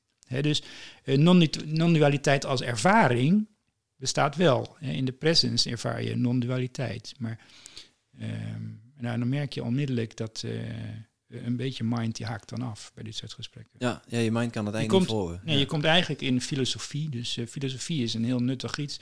Maar bij presence gaat het erom dat je dus eh, afleert, is mijn woord, maar eh, gewoon minder aandacht besteedt aan, ja, aan de waarde van de gedachten die zich voordoen. En dus dat je eigenlijk, vaak dan weet je hoe iets zit. Ehm, maar je mind zegt van ja, maar het is toch vredig hier of zo. En dan voel je dat er iets, on, en dat er iets eh, aan het stromen is. Maar Zo. meestal, Gewoon het te ontleren uiteindelijk. ja, maar ook is gewoon meer wanneer jouw gevoel zegt van het is, het is niet oké, dat je dat dan ook als een input gebruikt. Dus dat je dan eh, misschien iemand aanspreekt van nou, het voelt niet oké. en dat je het onderwerp dus gewoon op tafel legt. En dat is een eh, heel nuttige eigenschap. Dat je dus de, de input van jouw lichaam, jouw lichaam heeft een heel grote wijsheidsgehalte, is veel beter geconnect met, met wat de flow is van, van wat er eigenlijk in je omgeving bezig is enzovoorts. En eh, vrouwen zijn er beter in dan mannen. Maar het is eh, ook voor vrouwen kan het wel eens eh, nodig zijn om toch nog hun mind minder toe te passen. Ik hoorde nu ook zeggen, het is niet oké of het voelt niet oké. Dan we hadden het er ook een keer kort over tijdens Ja. onze ceremonie daar, dat je zei van, voel een keer van, eh, ja, ik ben bang of ik voel angst. Dat dat ook een heel andere... N- Ja, eh, bijna goed. Ehm, de, de woorden waren ik ben bang of er is angst. Ah, oké, ja, ja. Ja, dus eh, ik ben bang dat het fout gaat. Hè, en dat ze, zeker in deze tijden zijn er een hoop mensen die denken van hoe moet het nou met mijn inkomen? Ik zeg het maar gewoon rechtstreeks. Ehm, dat is een echte angst. Die kan ook verlammend werken. Dat je denkt van ja, maar eh, dan moet ik zeker in actie komen. En dan ga je plannetjes maken. En dan denk je, nou die plannetjes, daar wordt het allemaal niet. En dan kom je in verkramping. En dus dat is, ik ben bang. Ja, dus dat is een, eh, een, een samenspraak tussen eh, jouw mind, die zegt, hè, dus noem het maar even je, je prefrontale cortex, jouw, jouw, jouw hersenen, die zeggen van, die geven jou een signaal van er, dit, dit loopt verkeerd. Hè. Als, ik het, eh, als, als ik een prognose doe, dan loopt het verkeerd. En die, die, dat signaal dat gaat naar je hart toe.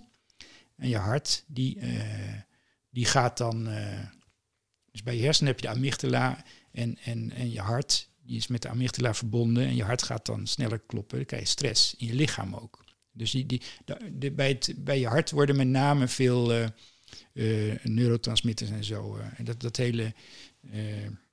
Nou ja. Dopamines en de oxytocines en zo. Ja, ja, maar dat, gaat, dat heeft dus een invloed op het functioneren van je ingewanden, hè, van je nieren en, en lever, en, en, maar ook eh, gewoon van alles wat er in je eigen lichaam. Dus, dus dat, heb, dat is, ja, stress is natuurlijk iets wat, eh, wat heel veel eh, besproken wordt wat dat betreft, maar dat heeft een verstorend en een niet rustgevend karakter. Terwijl wanneer je dus, ja, ja, dit wordt dan ook weer met de mind. Maar als je, als je dus eigenlijk zou kijken eh, of, of dat drama eh, zich nou voltrekt, eh, dan is dat in het algemeen. ik, ik vind het lastig, hè, want dit is Ja. ook iets wat mensen zich persoonlijk aan kunnen trekken, wat ik zeg. Maar ik, ik probeer er toch over te spreken, want dit kan ook behulpzaam zijn. Wanneer dus iets in de toekomst zich kan voltrekken, dan is het nu nog niet zo ver. Ja? En dan heeft het niet zoveel zin om daar met je mind mee bezig te zijn. Dus qua presence is het zo dat het nuttig is om dus eh, je af te vragen of, er, of je ergens iets aan kan doen. Dat is een nuttige vraag. En dan vervolgens kun je kijken of er misschien eh, iets zich aandient, wat een oplossing zou kunnen zijn. Dus soms laten we iets wat zich aandient liggen, ja, dus daar kan iets gebeuren. Maar het heeft niet zoveel zin om je zorgen te maken.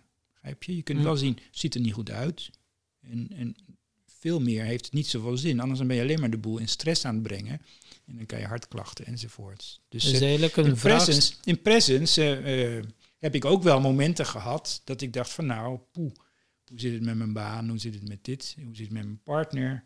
En eh, oh ja, maar ik was bodhisattva, weet je wel. En er zijn allemaal van die dingen, dan kun je, kun je zelf zeggen van nou, eh oeh, dat gaat verkeerd. Maar het gaat helemaal niet verkeerd. Ehm, alleen de mind die wil dat graag op zijn eigen uitgedokterde moment. En, en die wil een, een on- ja, niet gewenst iets wil die buiten de deur houden. En dat is allebei super vermoeiend. Super vermoeiend. Ik krijg burn-out van. Dus het is de mind waar je burn-out van krijgt. Ik heb mensen in mijn cursussen gehad die dus een burn-out hadden. Die kwamen speciaal daarmee. En dan waren ze aan het dansen en dan zeggen ze... En dan waren ze één, één blik van geluk. Ja? En dan kwamen ze naar me toe. Renier, Renier. eh, ja, maar hoe moet het nou als ik straks eh, weer thuis ben met die burn-out? En, dan, en dat is nou precies de mind, hè? Dus eh, ze hadden presence geleerd van me. En, eh, en ze zaten dus in, een, in een gelukzalige staat, zeg maar. En dan komt altijd weer de mind terug van ja, maar straks dan ben je hier niet. En dan? En, eh, en ik had ze juist daarvoor presence eh, technieken aangereikt. En eh, terwijl ik denk, vanuit presence zeg ik van, er is nu gelukzaligheid. En, en laat het lekker stromen. Dus ga dan niet gelijk nee. de boel weer blokkeren en, en, en je lichaam verkrampen. Nu al shiften naar straks. Ja, er, er- straks is er nog niet. Ja, of willen vasthouden. Zo, dat En- gevoel wil ik blijven hebben. Ja, en, en wat dat betreft is het zo, ik kan mensen vrij makkelijk leren om presence eh, te- binnen te gaan. Maar eh, wanneer je dus op een gegeven moment toch als... eh, je hebt toch ingesleten patronen om over iets zorgen te maken bijvoorbeeld.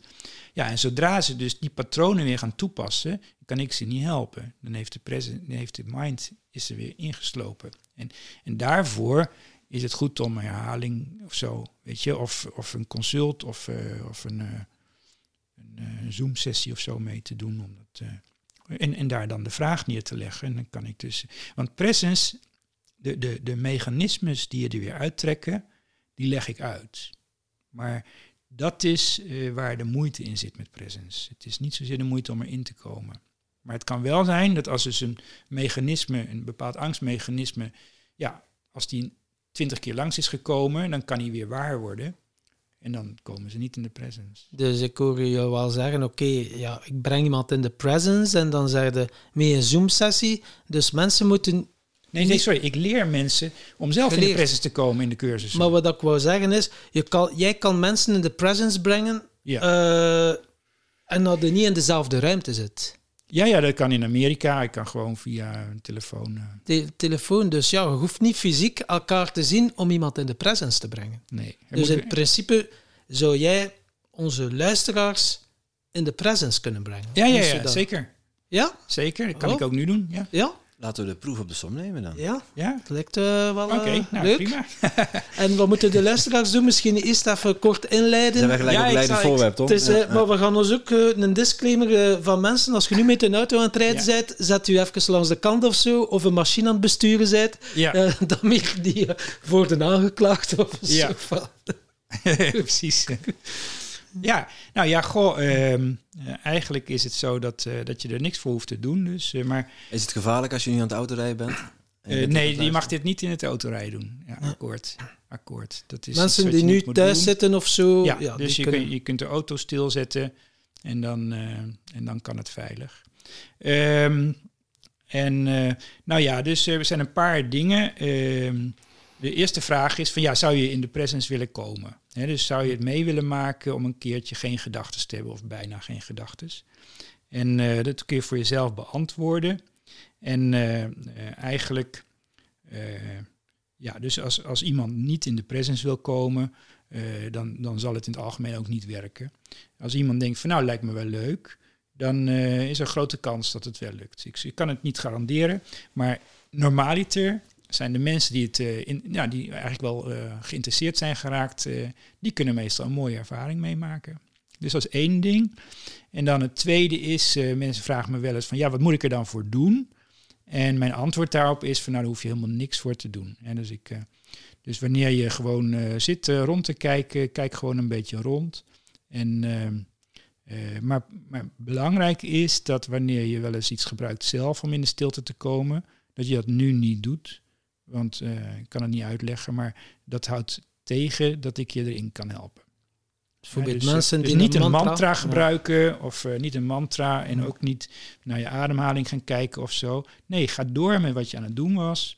Hè, dus uh, kijk een beetje rond of wat dan ook en, of drink een, een slokje water. maar in ieder geval, dat maakt niet uit. En dan op een gegeven moment dan vraag ik, vraag ik hoe ver je bent gekomen. En dan uh, moet je maar hardop zeggen hoe dat is. dan ga ik kijken of ik daar nog kan helpen. We hopen dat, we, dat, we de mensen, dat je de mensen nog hoort. dat ze dit terug luisteren. Ja, nou, we gaan het zien. En uh, ik denk dat misschien jullie nog wel uh, onder de podcast ruimte voor reacties hebben. Ja. Dat, dus oké, okay. en nou, dus dan begin ik nu en dan straks kom ik vragen hoe ver je bent. begin nu.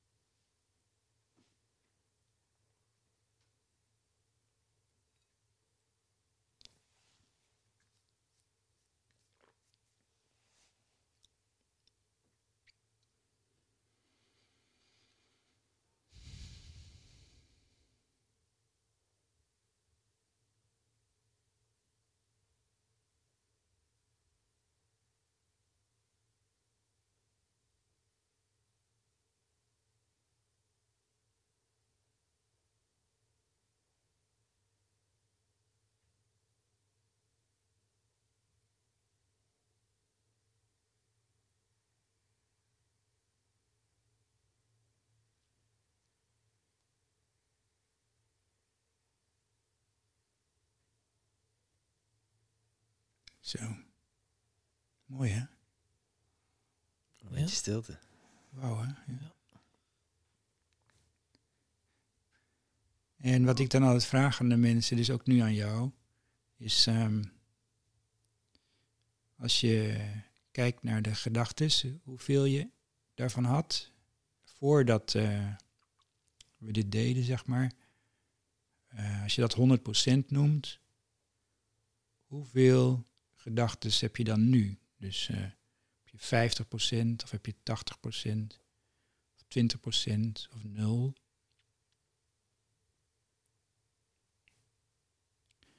En nou leg ik even bij uit dat als iemand 20% gedachten heeft of minder, dan blijft het vaak de rest van de dag. Of in ieder geval een uur of een significante tijd. Zonder dat je er iets voor hoeft te doen.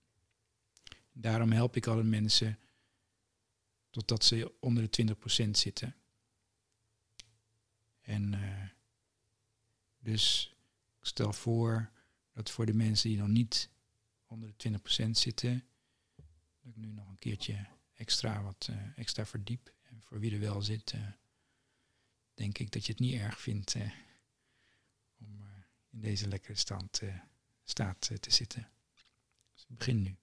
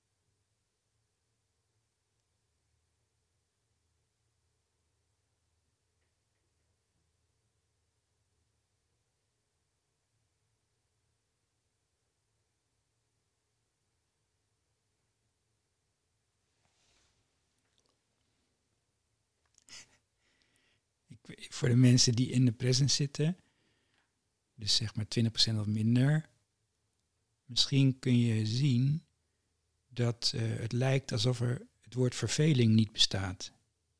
Er gebeurt niks, het is leeg in je hoofd. Maar het is normaal, zeggen we dan van, nou, er mag wel weer wat gebeuren. Er is een soort onrust in ons die dan toch weer bevredigd wil worden. En, uh, maar in presence is die onrust niet aanwezig. Klopt dat, uh, Timothy? Bij mij wel, ja. Ja. Hoe, hoe ervaar jij het nu? In percentage? Nou, misschien wat, wat merk je dat er anders is dan normaal? Ja, ik heb niet per se behoefte om stilte in te vullen. Of om mezelf bezig te houden. Ja. Uh, geen gedachten die door mijn hoofd spoken van oh, ik moet dit nog doen of oh, straks dat nog vragen. Zeker niet vergeten om. Ja, er zijn geen uh, zorgjes aanwezig. Nee. Het is vrij van zorgen. Klopt, ja. Kun je zeggen dat um, je zegt eigenlijk er is dus niks bezig met, met vanochtend, hè, van dat er iets fout ging vanochtend of wat dan ook, of gisteren. Of uh, er zijn geen, geen gedachten over gisteren. Klopt dat? Ja. En zijn er ook geen gedachten over wat er straks nog moet, of naar huis, of whatever? Nee, eigenlijk niet. Nee, dus misschien Volgende week niet, of van komende week niet. Ja, dus zou je kunnen zeggen dat, uh, dat er op dit moment qua tijd alleen maar nu is? Dat er niets anders is dan nu? Ja. En dus dit is eigenlijk de ervaring van de staat van het nu. Waar ze het in de spiritualiteit zo vaak over hebben. Maar als je erover leest, is het anders dan dat je ervaart. Je kunt ze zien dat er nu. Er is geen. eh, Op een bepaalde manier. Je kunt wel met je gedachten naar het verleden gaan. Hè. Je kunt wel terughalen. Maar het is niet zo dat het zichzelf aanmeldt. Er zijn dus geen. Dus er is een heel laag stressniveau hier. Hè, dus eigenlijk afwezig zou je kunnen zeggen. Um, dus zijn op een bepaalde manier. Zit je nu anders in je vel, zeg maar. Ja, op een bepaalde manier wel. Op een bepaalde manier ook niet. Maar dat komt ook omdat we nu een podcast aan het op, op aan het nemen zijn. Ja, En ik, ik herken het gevoel wel met, ja, met, met in een podcastopname zitten. ja, Ehm, dus misschien dat de, de luisteraars nu zelf ook ervaren hoe Tom en ik ons voelen. Of hoe ik me voel in ieder geval. Zal ik in ieder geval voor mezelf spreken. Laten we straks aan Tom vragen hoe het voelt. super. Ehm, maar de luisteraar kan nu misschien zelf wel ervaren hoe het voelt om ja, in de podcast te zitten. Dat klinkt misschien raar, maar zo'n bepaalde soort van staat van zijn. Ehm, ik heb dat eerder wel eens in, in genoemd ook. Eh, dat, ja, goed, het is nu niet aan de orde, maar eh, stel dat het vaatwasser aan zou staan of er zou een ambulance langs rijden. Ik, ik hoor het niet, want ik zit in een soort bubbel. Ja, Dat is wat jij nu de, de presence noemt. Ja. ja. Maakt mij niet uit wat er gebeurt. Dus ik, ik zit in het gesprek en ben interessant wat er. eh, ik ben benieuwd. Ik vind het interessant en ik ben benieuwd wat er, wat er nog aan bod gaat te komen. En de poppen dan straks vragen mij op die ik, eh, die ik jou ga stellen. En die zijn niet vooraf bedacht, maar die Nee. ontstaan in, in het moment, in het nu. ja supergoed. Supergoed. Dus ik, ik kan daar niet per se nu een, een percentage op plakken van. Ik zat eh, voordat, we, voordat je begon op, op 100% en nu dan op, op 5 of op 10%. Ik had het gevoel dat ik daar al, al in zat. Ehm, ik kan het wel vergelijken met voor we met de podcastopname begonnen en dan nu dit moment. En dan is het voor mij ja, tussen de 0 en de 10% in. Ja. Ik heb een experiment. Ja? Hoe zou je het vinden als we nu over COVID-maatregelen zouden gaan hebben? Niet zo heel boeiend. Nee, dat is eigenlijk helemaal niet aan de orde, snap je? Nee. Hm. Dat is interessant, hè? Ja, terwijl normaal heb je toch even ergens over of zo. Maar en, en wat is nou het verschil tussen presence en niet? Waar, waarom zouden we hier... Ik heb iets van, het, ik maal er niet om of zo. Helemaal niet. Het speelt helemaal niet hier. Dus het is een soort ander... Het is inderdaad een soort bubbel. Ik geloof inderdaad dat jullie in die bubbel zitten met je podcasts. Alles vervaagt, hè. Pff, het is boeit niet hè. Zo van, ja, het, oké, het zal wel. En, eh, Nou, niet alles boeit niet. Hè? Dus Nee. eh, het onderwerp van de podcast, dat komt juist heel boeiend over. Ja. Hè? Ook, ook naar anderen, denk ik. Omdat je dus zelf... Ik noem dat je bent dus eh, in zo'n bubbel, ben je dus mentaal schoon. Er zitten geen worries achter. ik voel dat ik vooral in mijn lichaam zit. Want Ja. nu zit ik zo en denk aan iets, maar ik heb nu mijn handen hier aan mijn been, aan mijn scheenbeen, en ik voel mijn hartklop. Ik Ja. voel mij leven, ik voel leven, Ja, voel ik gewoon. En dat ervaar ik ja, en dan neem ik waar, maar zonder zo te denken, ah ja, hé, dat, dat klopt of zo. Nee, die Nee. gedachten heb ik dan niet, maar gewoon ja, zo'n een, een zijnstaat uiteindelijk, ja, merk ik. klopt. En eigenlijk is het zo dat je normaal de signalen die jou bereiken als, als eh, spirit, zeg maar, eh, dat zijn enerzijds dus je zintuigen, hè, dus eh, gevoel waar ook pijn onder valt en eh, gehoor, zien en ruiken en Proeven. proeven. En, en dan heb je nog een zesde zintuig, dat is je mind. Hè, dus die hele stroom van gedachten normaal, die geeft ook prikkels. En dat kunnen opgewekte prikkels zijn of die komen gewoon uit je eigen systeem. En, maar die, die hebben we normaal ook als, eh, als input. Dus als de, de mind stilvalt, blijft het lichaam over. Eigenlijk. En, dan, en dat is ook het mooie van de presence. eh, het is zo dat jouw lichaam bijvoorbeeld, eh, als je slaaptekort hebt, signalen geeft. En, en wanneer we dus fanaat bezig zijn, heb je kans dat je dus denkt van nou, ik ga gewoon door. Ik moet afmaken. En dan, eh, nou ja, dat is één van de redenen waardoor je een burn-out kan krijgen. Dat je, je Kan ik over meespreken. Ja. ja, en, en dus, eh, dus voor burn-out mensen is het een goede oefening om te gaan luisteren naar je lichaam. Ja. dus in zen zeggen altijd van nou, ik moet plassen, ik ga plassen. Of ik, eh, ik, Als je eh, moe wordt, neem even pauze of ga rusten. Ja. Doe een dutje. Ja, of, of fameus is, na de verlichting komt de afwas. Weet je dat? Ja. Maar dit is, eh, ja, het is een bijzondere staat en ik denk dat je hierin beter functioneert. Het is, het is ook gewoon dat je eh, beter kunt ontvangen wat iemand zegt. Het komt eigenlijk rechtstreeks er binnen en het wordt niet door een filter afgevangen. Normaal eh, horen we iets en dan gaat er twee derde in een vakje van nou, daar heb ik niks mee te maken. En een derde in een vakje dat je afschuwelijk vindt of zo, zeg maar wat. Um, maar die vakjes, vanaf dat moment ben je alleen nog met die vakjes bezig. En is de inhoud wordt niet meer binnen, komt niet meer binnen. Ja, ja, ja. Die boodschap is dan uh, gefilterd uiteindelijk naar jou, uh, hoe dat jij in de, in de wedstrijd zit of hoe, hoe dat jij de wereld bekijkt, ook door je ervaringen. Ja.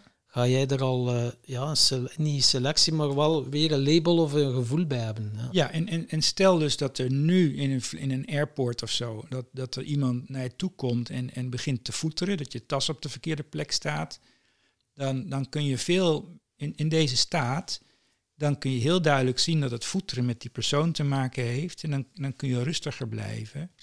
En, en dan kun je kijken van, nou ja, misschien kan ik die persoon helpen. Of, uh, dan hoef je niet...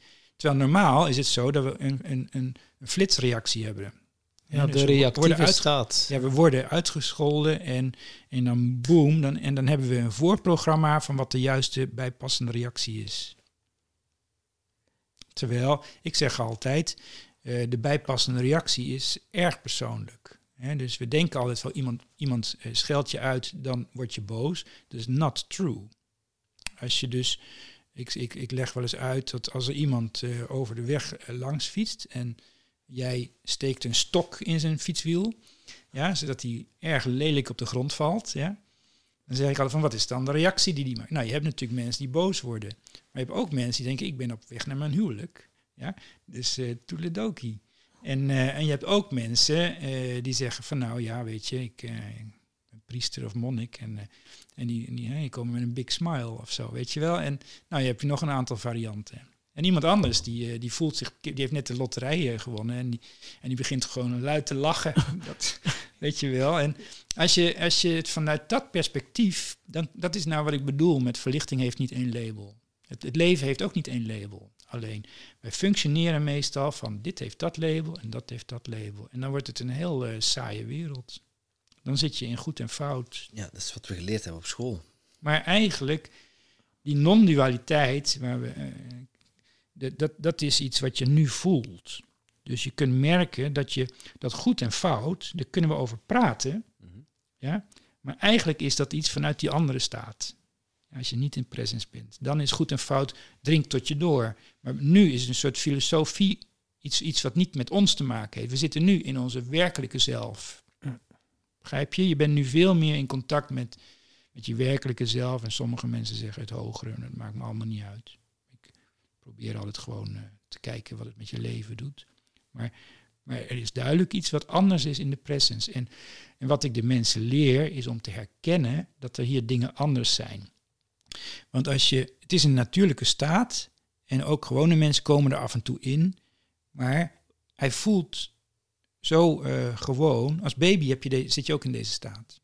Als je net geboren bent, ongeveer de eerste, sommige mensen zeggen zes jaar, de eerste drie jaar. Eigenlijk voor je, voor je zesde of voor je vierde jaar heb je geen herinneringen. Nou, dat heeft hiermee te maken. Oké, ja. Dat dan te maken dat je dan in die theta-staat zit?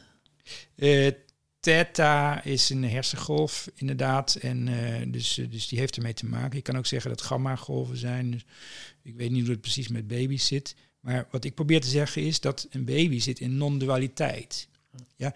En die merkt dus, uh, die krijgt een, een, een, borst. Ja? Of de borst komt niet. Ja? En dus op een gegeven moment denk je, oh, dan moet ik maar gaan huilen. En dan merk je dat die borst weer komt.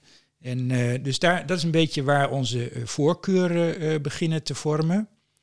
Um, maar ja, ongeveer na het zesde jaar, dan begint je te denken. Dan, dan, dan word je ingeprogrammeerd door je ouders. Van je mag de straat niet oversteken. En dan, dan krijg je een tik misschien of whatever. En dan, ja, dan komt de mind pas. Maar ik denk dus dat net zoals wij zeggen van er is geen denken, denk ik dus ook dat er geen, geen opslag is van gedachten. Ja, dus we kunnen morgen kunnen we wel achterhalen wat we vandaag besproken hebben. Dus ergens wordt het wel opgeslagen. Maar het zit niet in dat pijnspectrum, zeg, pijn-fijn spectrum. Het is een soort daarin cloud. Het, een soort wordt het niet, cloud waar dat altijd uh, bij kunt. Ja, en het is, eh, het is dus wel informatie, maar het is niet eh, ge- gemarkeerd, weet je wel, met een brandmerk. Ja, aan de andere kant, je zegt wel... Dus de- het is vrije informatie, zonder dat er dus een taboe op zit of een goedkeuring. Ja, ja, dat is misschien een mooie nuance, ja. Want aan de ene kant, hè, eh, tot je drie jaar, zeggen ze, vorm je geen herinneringen. Aan de andere kant word je wel al geprogrammeerd over wat, tenminste, een deel is instinctief. Ja. Een baby weet, weet instinctief dat hij, als hij verschoond moet worden of als hij eh, moet eten, dat hij moet gaan huilen. En dat hij dan ook de zorg krijgt die hij nodig heeft. Hoop ik voor het kind. Ehm, aan de andere kant ja, weet hij ook wel heel snel van, oh, als ik dit gedrag doe, dan is dat de uitkomst. En wordt hij dus, is hij eigenlijk al aan het conditioneren, of is hij sterker nog, is hij misschien wel zijn omgeving aan het conditioneren naar zijn of haar behoeftes. Ja. Ehm, en dat is wel heel sterk. En vooral bij een baby is dat heel sterk aanwezig.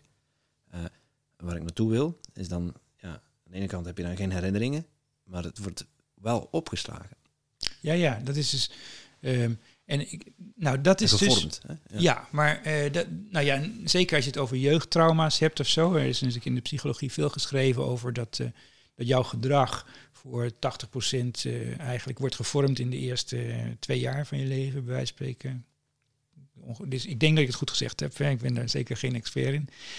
En, ehm, eh, en ik, ik denk dat ik ook net beschreef dat bij het spirituele werken aan je eigen persoonlijkheid, dat je dan ook allerlei onderbewuste troep zit op te ruimen. Dus ik denk eigenlijk dat dat inderdaad in je lichaamsbewustzijn zit opgeslagen.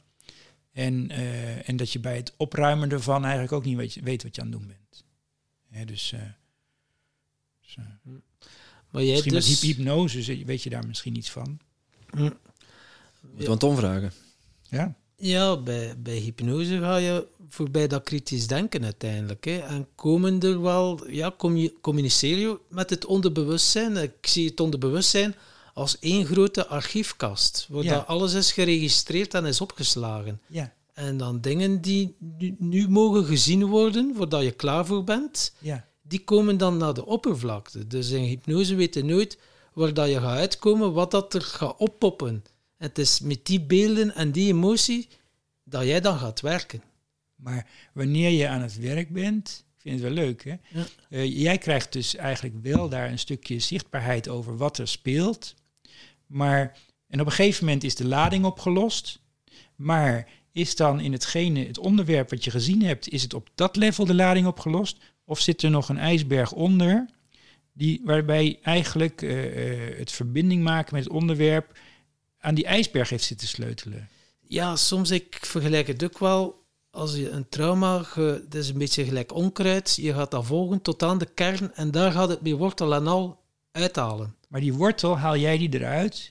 Of Ik- de persoon zelf? Of is het zo dat de wortel meekomt met dat je het gesprek Het, voert? het samen, want meestal is het dan in een regressietherapie en dan is het bijvoorbeeld, ja, als er een eh, verkrachting of, ja, dat moet daarvoor niet altijd zo heftig zijn, of iemand die als klein meisje de leraar zegt van, oh, je moet in de hoek staan, dat hij dat zo hard heeft opgebouwd van, oei, ik mag mijzelf niet zijn, Ja. dat die overtuiging er zo diep in zit, door wel die specifieke situatie komt weer naar boven.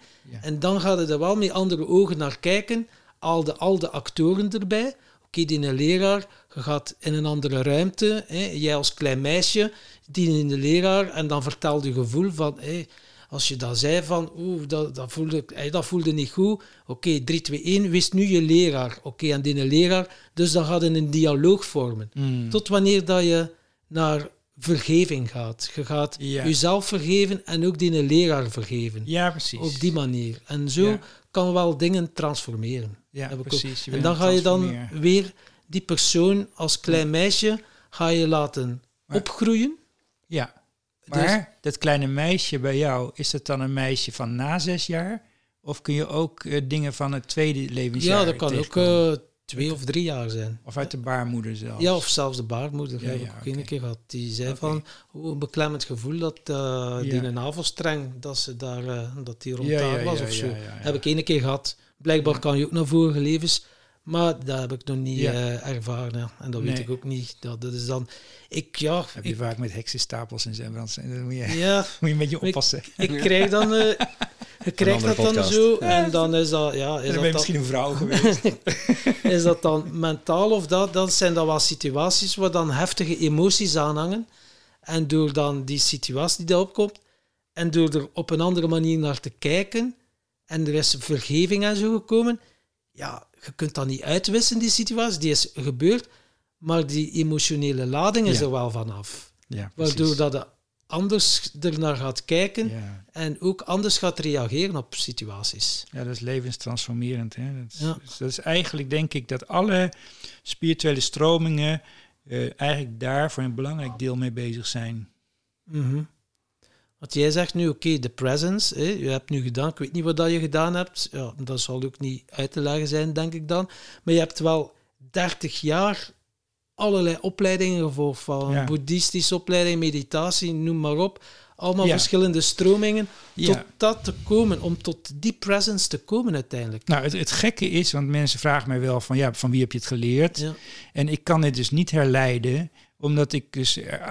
Het gekke is eh, dat ik op een gegeven moment merkte dat gewoon helemaal niemand kon uitleggen eh, hoe je in, in, eh, in deze staat komt. Op een, dus je kunt gaan mediteren, maar met al die jaren mediteren wist ik dat je daar dan eigenlijk maar ja, van, van tien dagen, tien dagen retreat heb ik wel eens een hele dag in stilte gezeten, maar vaak was het niet langer dan twee uur.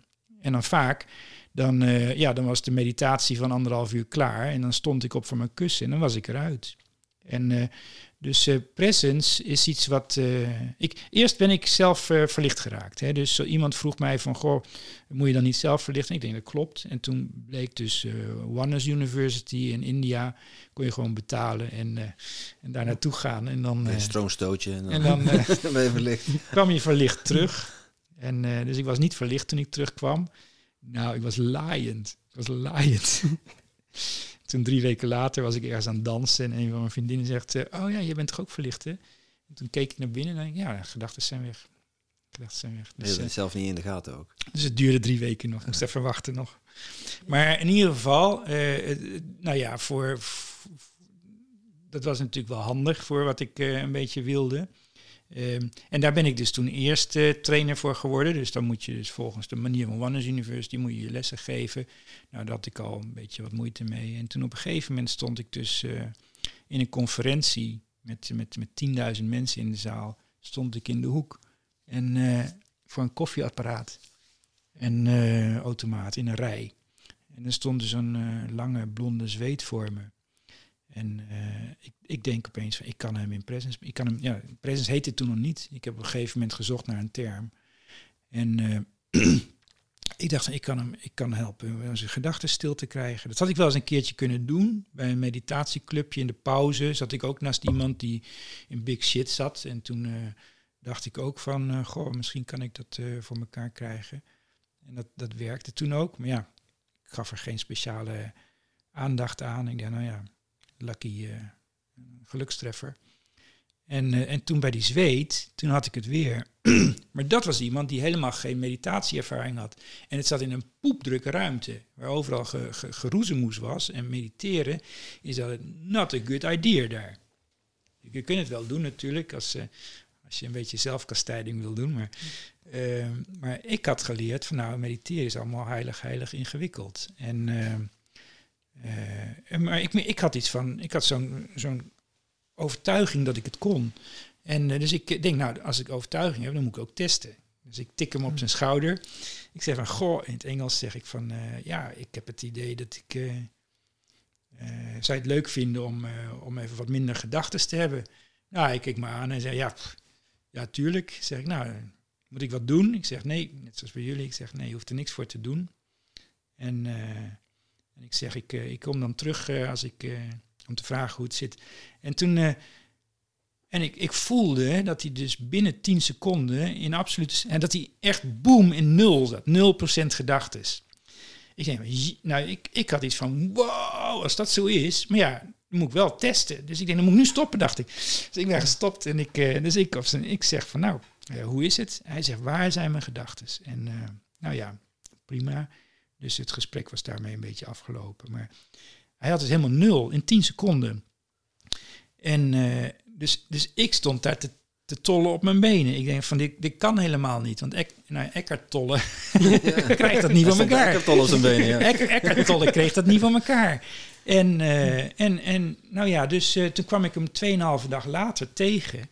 Hij zegt, nou man, ik, ik weet niet wat je gedaan hebt, maar het is tot, eh, tot, eh, tot en met de ontbijt eh, vanochtend of tot de lunch of zo, eh, was hij in die stilte gebleven. Hij zegt, wat heb je gedaan? Ik zeg, nou, kaartjes uitgewisseld, maar eh, eh, ik, heb wat, ik heb speciaal nog toen gevraagd van, heb je meditatieachtergrond? En nooit wat gedaan. En, eh, en wat ik daar leerde is dus dat eh, eh, als ik dus vraag of iemand dat wil, of, eh, dan, dan heb je dus of een ja of een nee of eh, nou misschien. En ik heb gezien, nou, de, de nee-zeggers, die krijg ik er niet in. Die hebben gewoon geen eh, interesse. Maar de ja en, en ook van waarom niet. Hè? Dus de, de, degene die zegt van nou, goh, ik geloof er niet in. Maar hè, dat, ik denk misschien, ik geloof het misschien niet, maar het er maar in. what the fuck, ja. Behaalt het En, niet, eh, schaalt het niet. Ja. En dan eh, die blijkt dus dat ik dus die erin kan krijgen. En dan heb je bij de, de zalen die dan eh, daarop afkomen, mensen dat je iets van 90 tot, tot 95 procent erin kan krijgen. En dan ben ik dan voor zo'n hele zaal wel een eh, klein half uurtje bezig met de laatste mensen. Maar dan heb je sommige mensen die echt niet kunnen. Dan moet ik op een gegeven moment vragen, nou, je vindt het erg als we nu verder gaan. Maar dat zijn dan mensen die soms, eh, ja, die mensen probeer ik daarna natuurlijk nog te helpen. Hè, ik noem het even helpen. En eh, één op één. En soms lukt dat ook niet. En eh, het belangrijkste is, nou ten eerste zijn dat vaak mensen met veertien gedachtenstromen tegelijk. Terwijl jij en ik, nou, mannen hebben er vaak drie tegelijk of zo. En vrouwen misschien zeven, daar weet ik niks van. Ik ben De eerste is seks en die andere twee. Stereotyp blijven. En eh, dus, eh, maar kijk, dus zeker die ingewikkelde mensen eh, is het zo dat wanneer ik dus de manier waarop ik het vraag is verschrikkelijk belangrijk. En wanneer ik dus iets uitleg van wat ik ga doen, dan krijg ik iemand er niet meer in. Want dan, dan gaat hij, gaat hij dat monitoren. Dus het is heel belangrijk voor mij dat ik dus niet een mind-ding trigger. Een, een ding die we allemaal hebben. Dus ik heb, ik heb een hele speciale vocabulaire waarbij ik dat soort dingen zoveel mogelijk eh, voorkom. En daar ben ik behoorlijk, eh, behoorlijk succesvol in. En dan hoor ik jou wel zeggen van, ik leer het ook mensen, maar Ja. dan moet je dan toch wel uitleggen wat dat je doet om Ja. het te leren. Ja, En is dat dan niet het monitor? Nee, dan, heb je, dan doe je iets anders. Of... Nou ja, die cursussen, eh, daarin, eh, eh, kijk, de techniek die ik leer, die is voor iedereen zo'n beetje hetzelfde, zeg maar. Maar, bepaal, maar ieder mens heeft een bepaalde voorprogrammering. En het gaat er mij niet om of je er één keer in komt. Ik wil dat iedereen er eigenlijk in alle omstandigheden in kan komen. En dan bij de eerste cursus wil ik dat mensen dat binnen een minuut kunnen. Soms korter mag ook. Bij vervolgcursussen probeer ik dat naar een paar secondes. Soms kunnen mensen ook gewoon eh, erin vallen en dan, dan hoeven ze nooit meer erin te stappen. Dan zijn ze gewoon altijd daar. Altijd in presence. Ja. Wauw. Dat is Ja, wel, En dat eh, gebeurde ook bij de eerste cursus, had ik vier mensen. En eh, een van die mensen die werd in één keer permanent. Nou, dat voelde ik ook. En eh, vond ik heel bizar en bijzonder. Permanent, met van die krullen in zijn haren. Ja, dat, dat is dan wat je ziet gebeuren inderdaad. In één keer permanent. Ik kan nu Ja, een ik, kan het er altijd uit. Ja.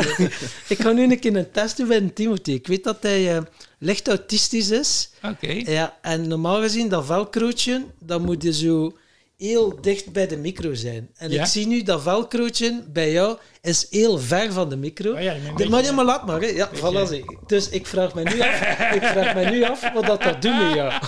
Ja, even, even nog een beetje. Ja, voor we de podcast opnamen, eh, had ik er wel moeite mee.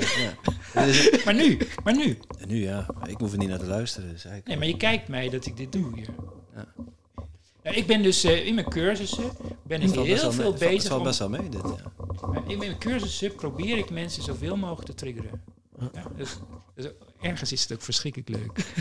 ik, heb, ik ben er heel goed in ook. Ja, het doet mij op dit moment heel weinig. Ja. En, nee, maar ik, dat is nou precies hetgene. En er zijn dus dingen. Dus ei- ten eerste En kun Tom je. heeft gelijk, hè? ik ben echt autist. dus, eh, Ja, nee, maar ten eerste eh, kun je dus zien dat in presence er veel minder prikkels zijn die, eh, die ergens iets triggeren. Ja? Dus eh, deze is blijkbaar zodanig dat je niet triggert. Er zijn er altijd nog een paar over die je wel triggeren. Hè? Ik zeg maar wat hoogtevrees of zo. Sommige dingen die zitten dieper in. Dus je oerinstincten Ja, of, hè, dus ik hoef natuurlijk niet over levensverdediging. Hè. Dus er zijn allerlei dingen die je nog Dat steeds, zijn die- dat nog zijn steeds aanwezig zijn. Dat Dus zijn- die dat kunnen je ook uit de presence gedachten. trekken. Ja, ja, dat zijn die primaire gedachten die je... Overleven. Ja, maar overleven is natuurlijk een heel, eh, die- heel, heel diep ingeprogrammeerd. En eh, gelukkig misschien ook maar. maar goed ook. Ja, anders hadden we niet Maar gezeten. goed, maar goed ook dat het doorgaat. Ja. Maar, ehm, eh, maar eh, daarnaast is het zo dat bij de gewone dingen, zeg maar, dus de, de, de bovenste 80%, eh, dat daar ook sommige mensen toch eh, door prikkelen. Dus ik, mijn hele cursus is met name gericht ten eerste om mensen te prikkelen. En eh, ik probeer dat vriendelijk te doen. En eh, eh, daarnaast, eh, eh, dan zeg ik dus van nou oké, dan voel ik dat ze eruit zijn en dan gaan we het daarover hebben. En hoe je er dan weer in komt. Dus ik ben de cursus, ben ik de, de triggers die zij in hun dagelijkse leven, die probeer ik te simuleren. Ja, dat is wel eh, fascinerend. En, eh, Ja, want het gaat erom dat je dus eigenlijk eh, ook bij die prikkels erin kan blijven. Dat is wat ik voorsta. ja, ja, dat je dat wel ziet en waarneemt. En Ja, wat dat en ik- anders op gaat reageren, die Ja. reactieve toestand, dat je er nu gewoon naar kunt kijken en het kunt zien gelijk dat is. Oké, ik zie die velcro en die is er normaal, moet die daar zijn, maar nu is die daar. Zonder, en dan heb je er geen verdere gedachten over. Ja, het is gewoon... Wat, wat dan ook leuk is, is dat ik dus bijvoorbeeld nu- dus hem helemaal hier doe. Hè? Dus ik doe hem nu goed.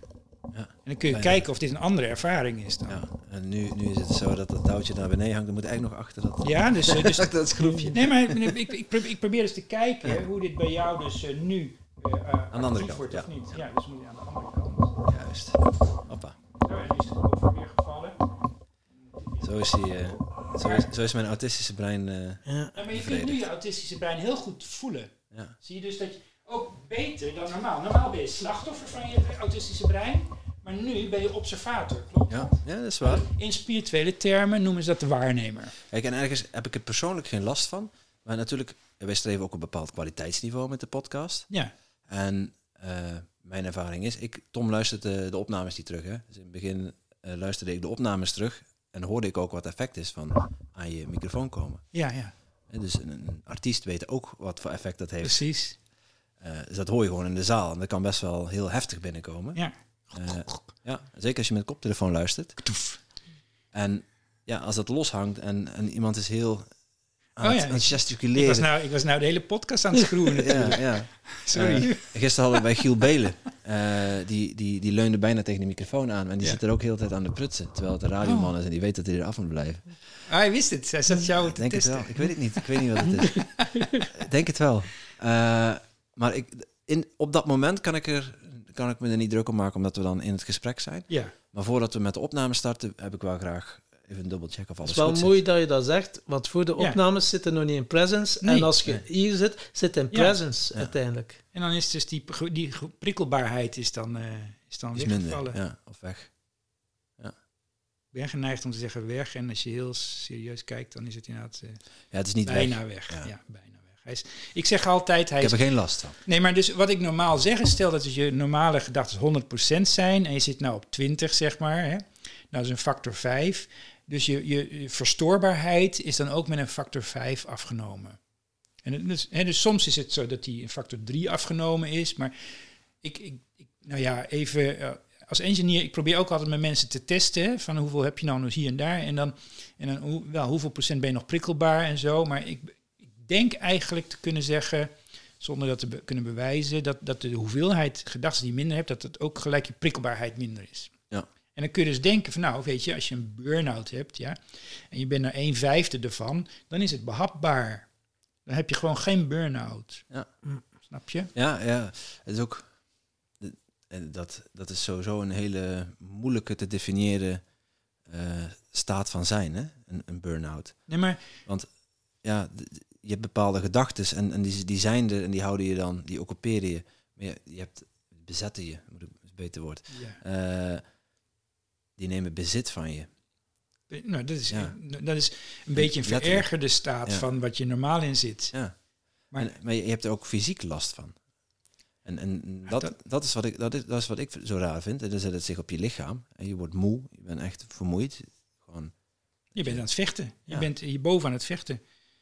Zelfs, als, zelfs als je alles loslaat en, en, en het is stil, ben je nog steeds, voel je nog altijd wel die vermoeidheid. Zeg maar alsof je gevochten hebt en daarna moet recupereren. Klopt. Ik herken En- dat ook heel erg, ja. En het is ook heel raar om te ervaren. Ik, ik was bijvoorbeeld ik was op live initiations in Frankrijk met eh, Dirk Oeliebrand, Alchemie van Leiderschap. En dat ik daar, zeg maar, het was in de Katarenstreek een heel krachtige streek. Eh, de spirituele mensen die hebben er vast al van gehoord. En wat ik daar er, er- ervaren heb, is dat ja, die burn-out verdween. Ja.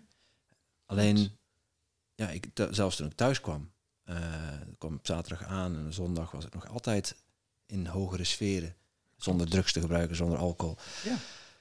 Hoog, hoog in mijn energieniveau. Het is niet zo dat dat. Het is ook niet dat ik er me aan vastklamp als, eh, eh, als laatste hoop. Ik wist ook wel dat dat ging weg hebben, dat gevoel. Eh, en dat ik het niet moest, moest vasthouden.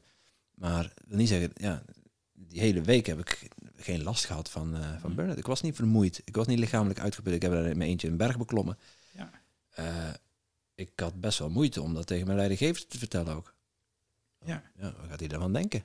Maar ja, de week nadien eh, zat ik er wel nog steeds even diep in hoor. Ja. Het is niet dat, ik er dan, dat je dan plotseling miraculeuze wijze genezen bent. Hmm. Maar je merkt dan wel hoe, ja, hoe je mi- eigen mindje voor de gek kunt houden.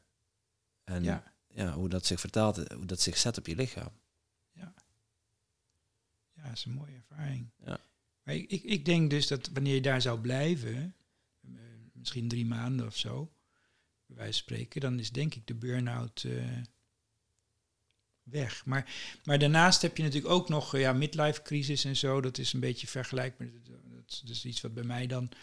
eh, waarbij ik eigenlijk het idee heb van nou bij de midlife crisis is, iets wat iedereen doorheen moet omdat je een aantal controlemechanismes hebt in jezelf. Hè, dus bijvoorbeeld overal ja op zeggen.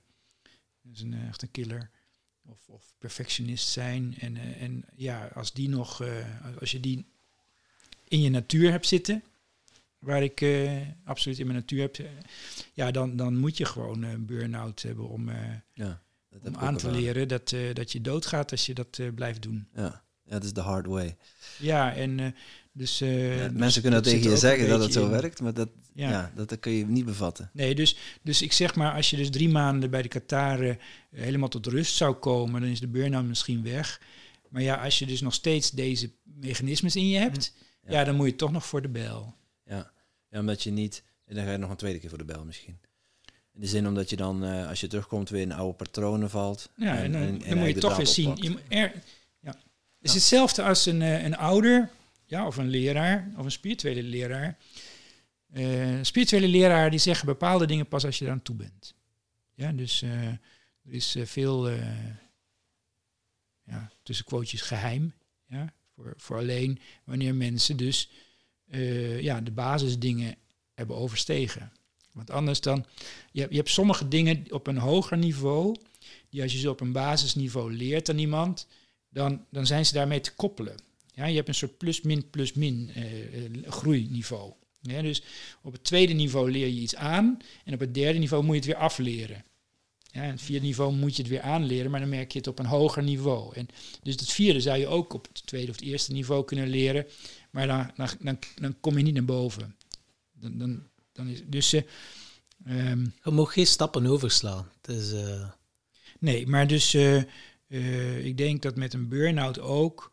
er zijn dus dingen die moet je echt zelf gewoon zodanig met je neus dus tegen de deur lopen. Dat je denkt van oh, dat kan ik beter niet doen. Dat, dat, dat moet je niet.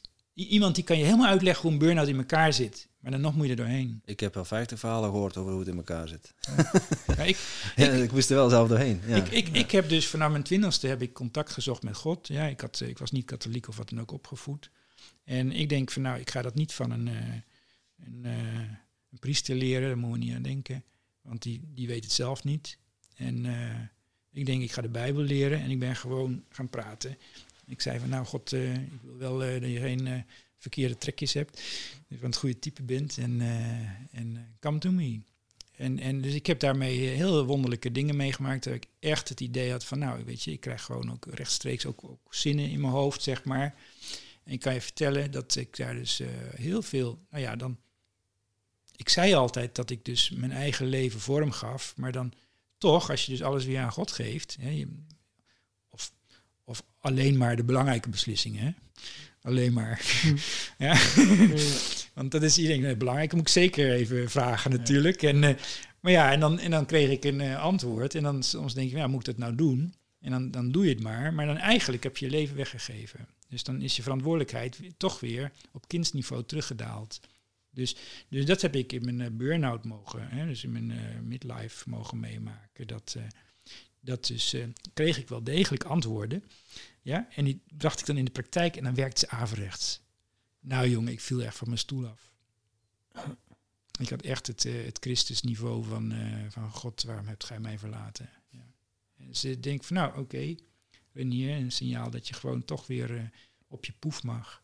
En, en gewoon weer zelf nadenken. Zelf kijken. En nadenken hoort ook bij het spirituele proces. Dus dan moet je inderdaad nog al die opleidingen gevolgd hebben en toch kan het nog zomaar zijn dat je ja. inderdaad nog in patronen zit die eigenlijk niet zo goed voor je zijn, maar die je dan nog niet beseft, maar die dan naar de oppervlakte komen wanneer dat je er klaar voor bent dan. Ja, en er is bij alle spirituele paden van de grote mensen die daar iets werkt hebben, is, is ook altijd een dark night of the soul. En dat is dus echt een ding waarbij je gewoon niks meer werkt en, uh, en je denkt van nou, dit is het einde. En, uh, en net zoals met een uh, burn-out of een, of een midlife is wanneer je denkt van nou, ik weet het niet meer. Ja? Daar word ik altijd heel blij van als iemand dat zegt. En dan ploep je in één keer omhoog. Dan is je opleiding uh, geslaagd. Ja, het zijn, zijn, als ik terugkijk naar mijn stappen, dan zijn het ook wel echt momenten geweest, ja. ja. Dus op een gegeven moment, vanuit je, als je zegt van ik weet het niet meer, dan laat je los. Ja, het echt niet meer weten. Ja. Maar er ook echt overtuigd zijn dat je het niet meer weet. En het ja. dan kunnen loslaten, dat is een fantastisch gevoel. Ja. Ja, ik zeg altijd van... Uh, niet dat je dan, het, het, is sowieso, er is geen enkel moment dat je dan van een op de andere moment genezen bent. Nee. Maar het is wel een belangrijk punt in je, in je helingsproces, ja. Klopt. Die overgave. Ja. En je begint ergens, ergens met die acceptatie. Ja. En niet meer ontkennen dat je uh, een bepaalde situatie terechtgekomen bent. Ja, precies. Precies. Herkennen en dan het erkennen. En dan daarin blijven, dat gevoel, en het, en het kunnen loslaten. Ja. En dat is wel een... Uh, Klopt. We noemen dat in de podcast wel eens een dingetje. Dingetje, ja. ja. En dat loslaten. Ja. Is, het klinkt als een werkwoord, maar je doet het niet. Ja. Hoe heb jij dat gedaan? Nou, dat is uh, uh, voor iedereen op het spirituele pad is loslaten is echt een issue. Hè, dus uh, wij deden op Van Wouden, deden wel oefeningen. En dan gingen we in een subpersoon zitten, allemaal. En dan deelden we de, de groep in tweeën. En dan één groep was de spirituele zoeker. Ja? Hm. Dus dan uh, vroeg degene die facilitator was, uh, die zei dan, uh, en zoeker, wat, ja, wat houdt jij nou bezig op het spirituele pad? Hè? Nou ja, het zoeken naar verlichting of naar, naar je, je spirituele ontwaken, whatever. En, en, en lukt dat? Nee, nee, ik blijf maar zoeken. en dan, nou, dankjewel. En dan gingen we naar de andere helft toe. En dan zeiden ze van, nou hier is de vinder. Er. En, uh, en dan zei ze, en uh, vinder, uh, hoe is het met ontwaken op het spirituele pad? Ja, is al gebeurd, hè? en dan, ja, maar die zoeker, die, die, die komt er niet. Hè? Die, die heeft het als een hoger doel gesteld, maar die komt er niet. Ja, die stoppen met zoeken, hè? nou, en dan pies ik echt in mijn broek, man fysiek heel in mijn broek. Dus zolang, en dus ook met de presence, dat heb je gemerkt, um, dat ik zeg van nou, wat moet ik ervoor doen? En zei ik, nee, je hoeft er niks voor te doen. En, en dus, ik bij Zen dacht ik dat ik kaarsrecht moest zitten. En ik kreeg op mijn lazer als ik het niet deed. En ik werd geholpen om te zorgen dat ik dat kon. En ik ben nu echt met presence. Nou, iedereen, elke leraar, die heeft zijn voordelen en zijn nadelen. Dus ik, ik heb zeker niet dat ik wil zeggen dat wat ze daar leren, dat dat niet klopt. Maar wat op mijn pad eh, is gekomen, is dat voor mij mij dat niet gebracht heeft waar ik wilde zijn. En het heeft me wel een prachtig pad beloofd. Dus ik heb het nodig gehad als een stap. Maar ik had iets, toen ik dus mensen in presence dacht ik van nou, eh, nou je hoeft niks te doen. Hm. En, eh, en dan, en wat, ja, nou ja. Ja, en ik denk dat de meeste mensen dat denk, als, ik, als ik uit moet leggen, dan zeg ik van nou, dan is die, die zoeker, die is weg. Ja, dat Die is die, gezegd. snap je? Ja. En, eh, Ik snap het heel ik, goed. ik, ik, ik ben dus bezig om dus eh, ja, het- de situatie zo te creëren dat de mind eh, niet aan de gang gaat. Als Ik denk dan dat... Zodra, want als ik dus een vraag stel, dan is de mind eigenlijk gestopt. Ja, die wordt dan geïnteresseerd, dus die begint te luisteren. Dan zeg ik, nou, zou je lukken? Ja, leuk, is de mind, hè? Nou, op dat moment heb ik ze eigenlijk al in die stilte. Ik denk dan de en dan moet ik alleen zorgen dat er niet een nieuw proces wordt gepakt. En daarvoor moet ik dus, ja, daarvoor ben ik dus heel eh, kieskeurig in mijn woorden. Ik denk dat de meeste mensen daar gewoon achter zitten te zoeken, de presence. Het kost geen moeite. Ze moeten er geen energie voor ver- verbruiken. Ja, mediteren, moeten dat doen, op zo lang zitten. En nu de presence, nee, gewoon niets te doen. Kijk maar gewoon rond, doe mee wat dat de Ja. bezig bent. Op een paar seconden zit erin. Nou, pijs dat Ja. Iedereen nu zoiets heeft van, ja, dat wil ik. Want ja, Ja. Het, het hoeft allemaal zoveel energie niet te kosten. Nou, en als iemand dus aangeeft dat hij dus niet diep genoeg komt, hè, dus blijft op 50 of 80 procent. Soms gaat de 50, help ik nog een keertje en komt hij weer naar 80. Nou, dan weet ik, dan is er dus gewoon een, een proces in de mind begonnen. En dan, eh, dan vraag ik van, nou, wat is er? En dan zeggen ze, nou, ik zit een mantra te doen. Ik zeg, nou, stop er maar mee. Ja. Ja, dat is eigenlijk al zot. En je zei ook van, ja, ik was op zoek eh, in naar God, hè, dat je dan eh, zo contact. En is dat ook de reden dat je dan in de ruimtevaart zijn gestapt? Om, eh, dat je wist waar dat God zat? Nee. Nee, ruimtevaart was mijn eerste job. Ja, Nee, God, we hebben ook allemaal ons karakter meegekregen. En Ja. ehm, ehm, ja, ik, ik heb als karakter dat ik eigenlijk niet als de rest wil zijn. ah, oké. Ja. En eh, dus, eh, dus, Misfit. toen ik, eh, dus toen ik eh, in dienst moest, ik ben al van die lichting, ehm, had ik iets van nou, ja, ik heb geen zin om te dienst weigeren of zo. Weet je wel, dan moet je een beetje half gaan liegen, dat je rug of zo. En eh, ik denk, dat wordt het niet. En ik wou zeker niet gewoon onder de wapenen. En eh, dus toen op een gegeven moment eh, heb ik, dacht ik van nou, ik heb me afgestudeerd op, op, tijddomeinmetingen. Dus toen heb ik een brief geschreven. Je kon, je kon namelijk ook ROAG worden. Dat is eh, reserveofficier, academisch gevorderd. En dan kun je onderzoek doen bijvoorbeeld. Er was iemand die had onderzoek gedaan naar luchtrecirculatie voor duikers. Ik denk nou, dat is leuk. En eh, dus heb ik me helemaal suf gesolliciteerd voor zoiets. En toen eh, hebben ze me eh, als docent aangenomen. En, en toen was ik daarmee klaar. Toen dacht ik van nou, ingenieur, ik ga niet naar Shell, dacht ik. Vond ik, dat doet iedereen. Ik ga niet naar Philips toe. Ja, en toen, toen kwam ik erachter dat de advertentie dat er, dat er ruimtevaart in Nederland was. Ik denk van, wow, in Nederland, dacht ik. Weet je wel. En toen bleek dat van ESA, dat gewoon het, het onderzoekslab, dat dat in Noordwijk staat. En toen, eh, toen hoorde ik dat dus, eh, ik dacht van nou, daar wil ik wel werken. En toen, eh, Nee, je kunt het niet opzoeken op Google Maps eh, trouwens. Dat is helemaal Niet? geblurred. Nee, dat is helemaal- ja, Oh. ja, ja. Nou, dat is interessant, dus helemaal niks bijzonders daar bij mij. Nee, ja, dat is dan... eh, Ik denk dat ze de golfbaan daar niet willen laten zien. ja, dat zou kunnen. Een ik, kan, me- ik, kan me nog herinneren, ja, ik kan me echt herinneren dat het, eh, dat onderzoekscentrum daar dat is gewoon geblurred op Google, Google Maps.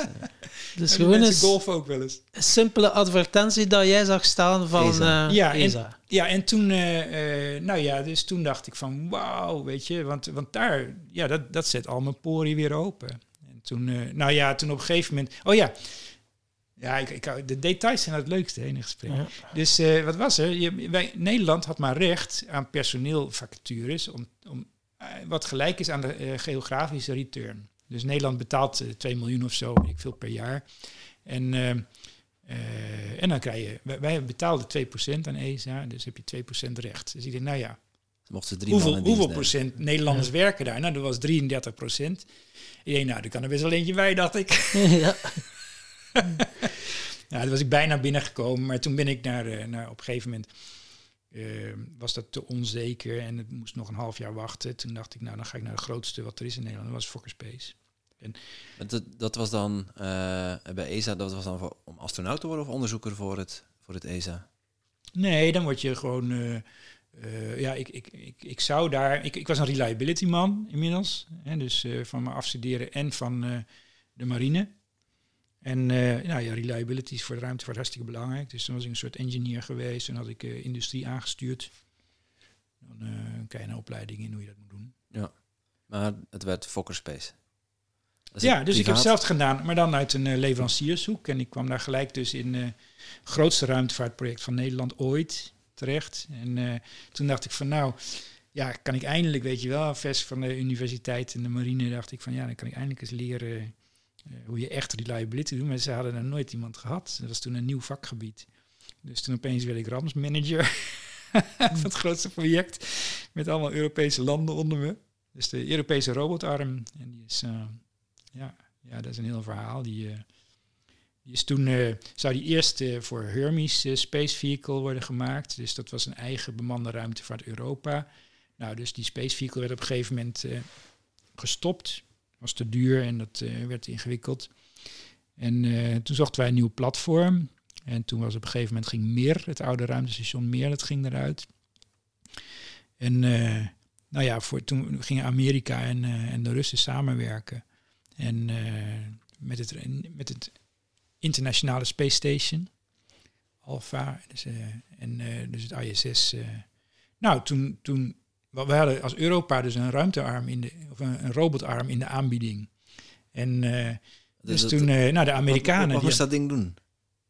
eh, het nou, het is zo dat als je dus het ruimtestation zit, dan is naar buiten gaan met je ruimtepak is super gevaarlijk. Vanwege de straling.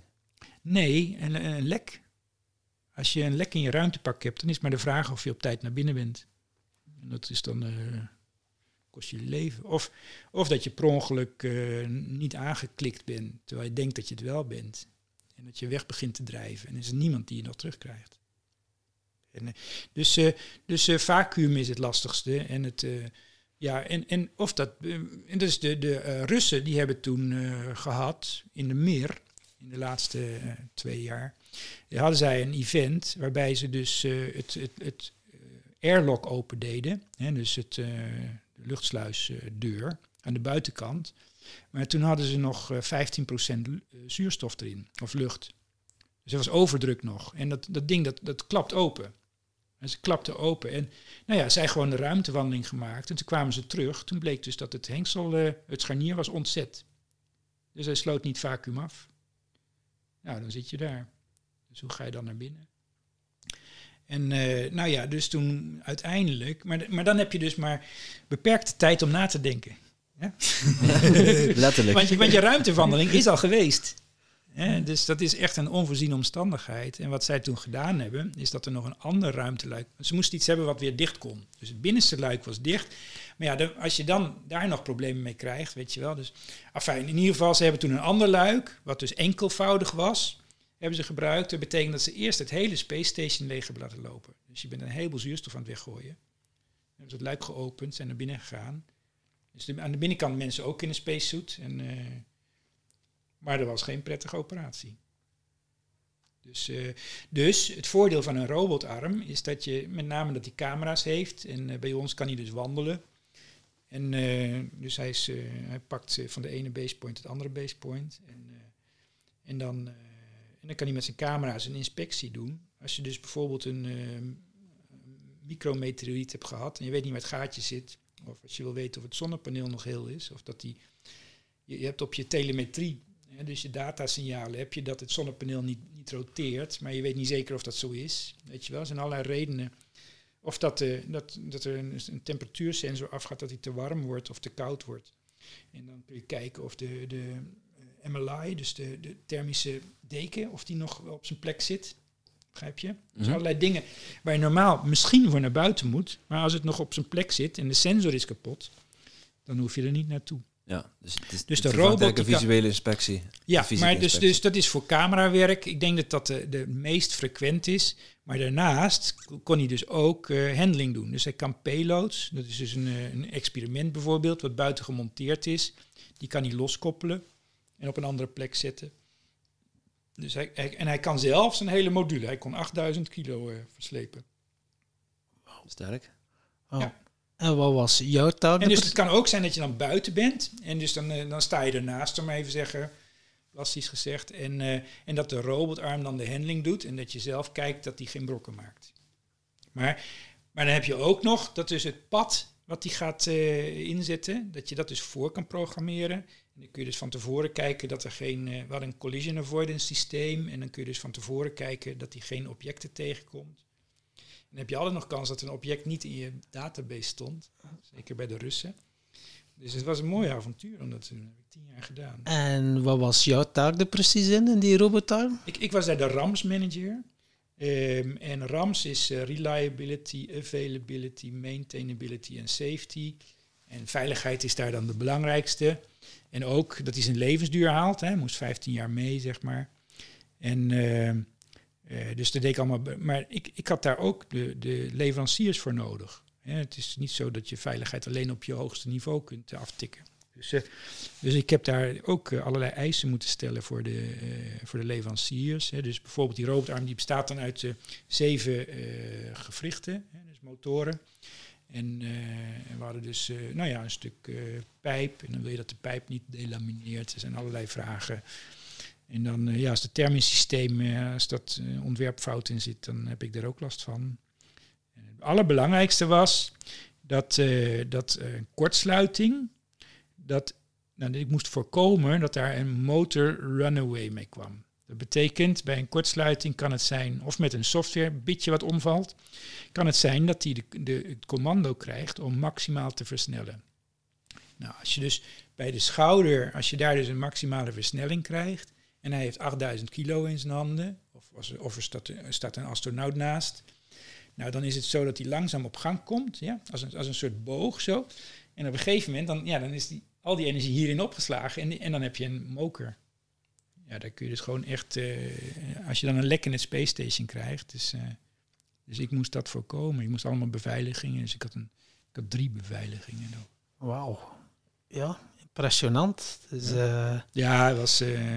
het is ook een jongensdroom om dat te mogen doen. En ik, ik had allemaal van die... zeker bij Duitsland. Elk land was anders. Hè? Ja. Dus de, in Italië kwamen wij voor een test om dus te zien. En uh, toen werden we van een groot uh, maal uitge uitgenodigd. En, en, op een gegeven moment zei je van ja, maar we gaan toch nog kijken. En oh ja, toen gingen we kijken, stond er niks. Toen zei van nou ja, had je het niet kunnen zeggen. Hij zei ja, so, so I lied. Weet je wel, dus... Ik weet niet, Italianen hebben een ander uh, temperament, zeg maar. Ze komen wel met hun spullen, maar, uh, maar ze zeggen niet altijd belangrijk. En, en de Duitsers, die zeiden altijd precies, uh, die, die waren heel erg precies in wat ze zeiden. Deutsche Grundigkeit. Grundigkeit, ja, daar kon je gewoon op aan. En ja, nou, was heel mooi om mee te maken. Dus je had eigenlijk een, een gans team om aan te sturen dan? Ja, ja, ja, ja. Ja, ja, ik had, ik had daar vier mensen, team totaal van, van uh, in Fokker Space, dan later Dutch Space. En, uh, maar uh, daar had je ook nog allemaal subcontractors, een stuk of. en die moesten ook allemaal analyses voor mij maken. En dan moest ik zorgen dat dat weer samen optelde naar de eisen die we hadden staan ervoor. Echt teams aansturen. En dan moest ik met ESA. En, moest aansturen. en, en ik moest dus met de Russen moest ik praten, om, ja, dat waren de gebruikers daarvan. Dus ik moest daar ook kijken wat zij aan behoeftes hadden en zorgen dat het was. Ik ging allemaal met een vertaler. Ja, wow. mooie tijden, man. was echt avontuur. Er was zo'n ijzer gordijn net gevallen. En uh, dus uh, we mochten alleen daar slapen in een vijf-sterren hotel. Echt uh, met ja, happy hour elke dag. met champagne. En er was altijd een saxofoon of een, of een piano of zo. Iemand met concertkwaliteit aan het spelen. Echt ik had geen roomservice hoor. Uh. hey, ik hoorde jou net zeggen dat je uh, een jongensdroom, maar je bent nog altijd verbonden aan de universiteit en, en je bent al professor. Nee, alsjeblieft. Nee, nee, nee. nee. Of ingenieur, sorry. Uh, ja, ik ben ingenieur, ja. Ingenieur. Dus, uh, ja, ja, dus daarna ben ik... Uh, ja, toen ging het slecht in de ruimtevaart. Dus we moesten toen in plaats van semi-overheid, waar ik mee begon... Ja, moesten we opeens onze eigen, onze eigen broek ophouden. En, en bewijzen dat wij de beste waren of zo. En, en uh, ja, we moesten eigenlijk ook dus uh, non-ruimtevaartprojecten gaan draaien. Nou, was kansloos om daar competitief in te zijn. We hadden allemaal de, ja, clean rooms en zo. En als je die niet gebruikt, hadden wij wel de onkosten. Die moesten wel ergens voor rekenen. Dus uh, het was een lastige tijd. Gingen een hoop mensen uit en we hadden overnames, toestanden die is afketsten en zo. En ja, op een gegeven moment, toen kwam ik dus met mijn midlife. En die zat daar. Toen ben ik eerst een beetje een zijpaadje ingegaan nog. En op een gegeven moment kon ik, kon ik naar de spoorsector kon ik, uitgestuurd worden, gedetacheerd. omdat daar toen de reliability en de safety eisen standaards voor werden geschreven. En zij zaten van hoe moeten we dat implementeren? Nou, dan was ik. Ja, ik had, ik had, ik had, zo'n, ik had zoveel standards geschreven voor mijn project. Gewoon meer dan een meter. En uh, dus, dus die wouden mij toen ook hebben voor advies daar. Dus ik heb, ik heb een nationale standaard toen nog geschreven als hoofdauteur. Oké. Voor Verkeer en Waterstaat, ministerie. Ja, dat waren mooie dingen, man. En ja, dus, uh, maar op een gegeven moment, ondertussen, al die tijd was ik dus vanaf het begin van mijn studie, was ik uh, bloedje fanatiek met mediteren, omdat dat mijn, uh, mijn, ja, mijn linker en mijn rechter hersenhelft bij elkaar hield. En ehm, ik deed ook wel met een vriend van me, gingen we eens in de week of eens in de twee weken, dan keken we, dan googelden we meditatie 25 oktober. En dan uh, kwamen er allerlei dingen langs. En dan, uh, en dan, ja, dan, dan, prikten we van die gaan we doen. En dan kwam ik op allerlei andere dingen. En toen kwam ik dus bijvoorbeeld bij uh, Art of Living. En nou ja, daar hadden we een mooie, een beetje een ademtechniek dingetje over gekregen. Een beetje, werd een beetje over verteld en zo.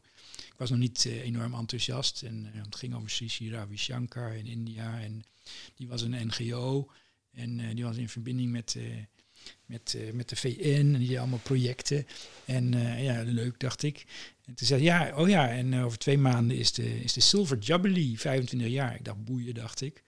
En toen zei ze, nou, er is een meditatie waar je naartoe kan. Denk, boeien, dacht ik. Toen zei ik van, nou, hoeveel mensen komen daar? Toen zei ze, nou, meer dan 1 miljoen op die meditatie. Nou, kut man. Ik, ik, ik had op mijn lijst staan nog een keer een meditatie met duizend man willen, want dan creëer je een veld, weet je wel. dus ik daar naartoe. Nou, uiteindelijk waren er 2,5 miljoen mensen daar op een vliegveld wat niet afgebouwd was. En dus ik, ik vroeg haar ook, ik zeg, hoe, uh, hoe, zit, hoe ziet het er daar dan uit? want hoe, uh, je kan niet even schreeuwen naar iemand of zo, weet je wel.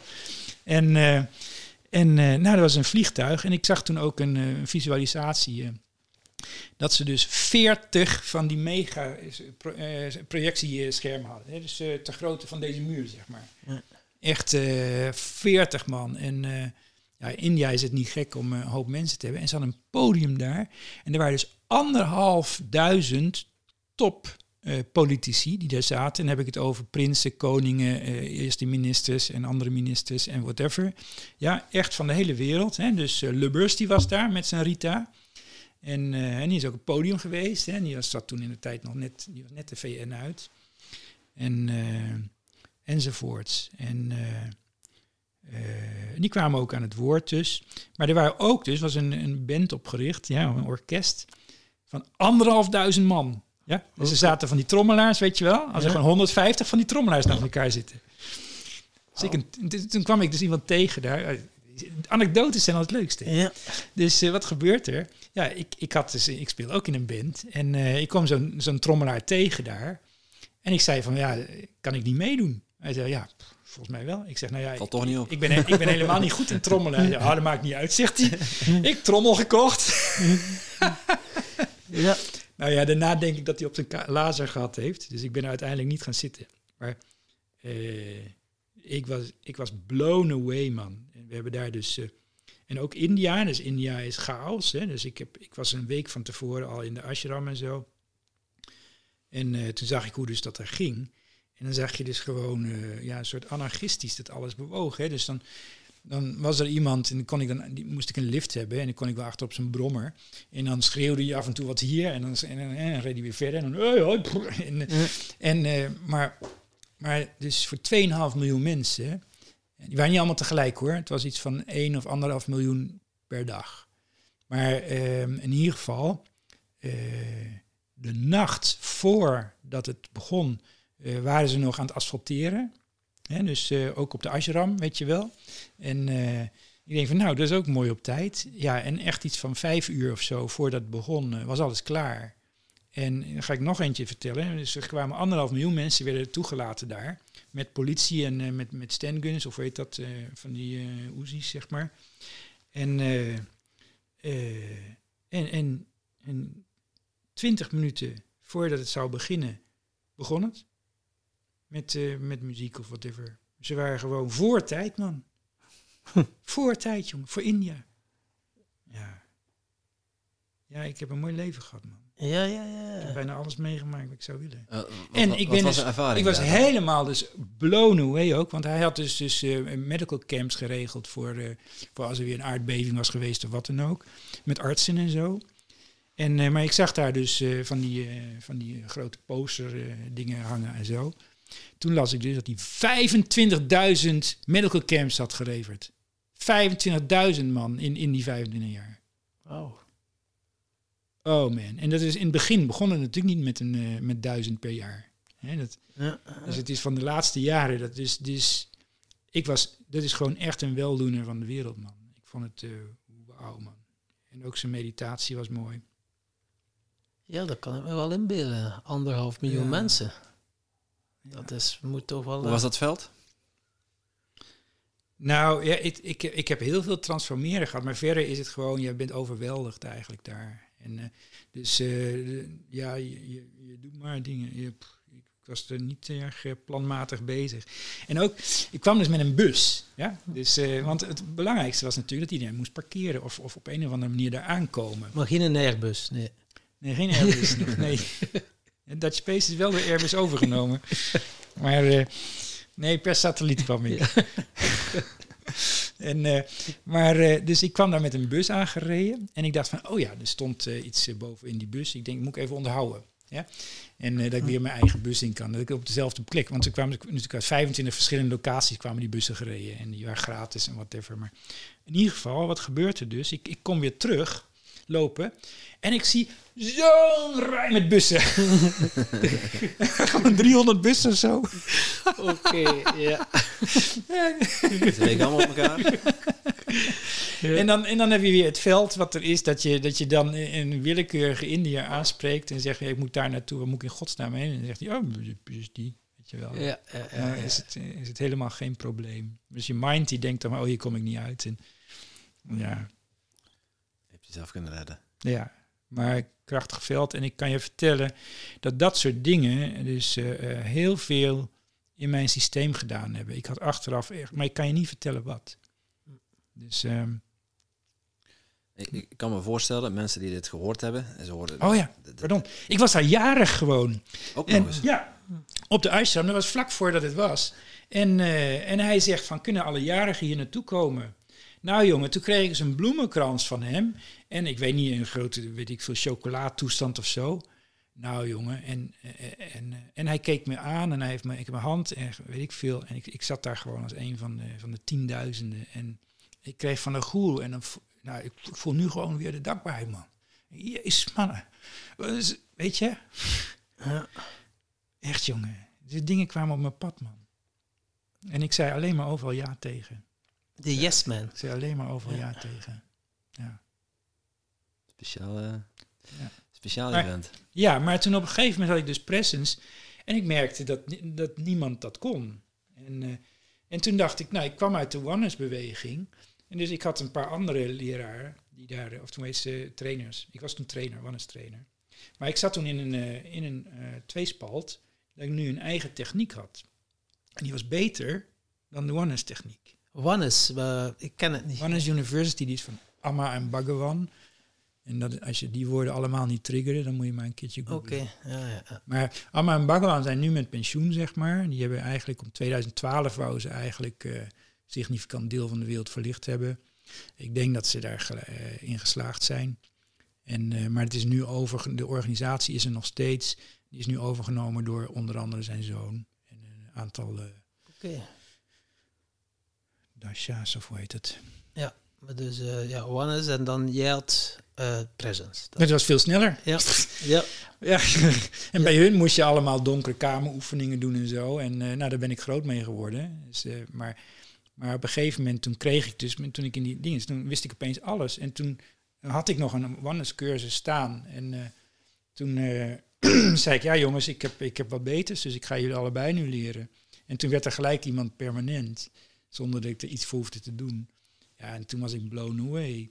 En toen, nou ja, en dan heb je dat je dus eigenlijk in een ander nest zit van iemand anders. Dus, uh, dus ik had toen een, een collega-trainer, die, uh, die zat in Amerika. En die zei, ik, ik vertelde ervan, ze geloofde het niet. Ik zei, nou ja, nou, ik wil wel een demonstratie doen. Ze zegt, nou, ik ga wel iedereen uitnodigen ervoor. Ik zei, nou, alleen maar hartstikke mooi.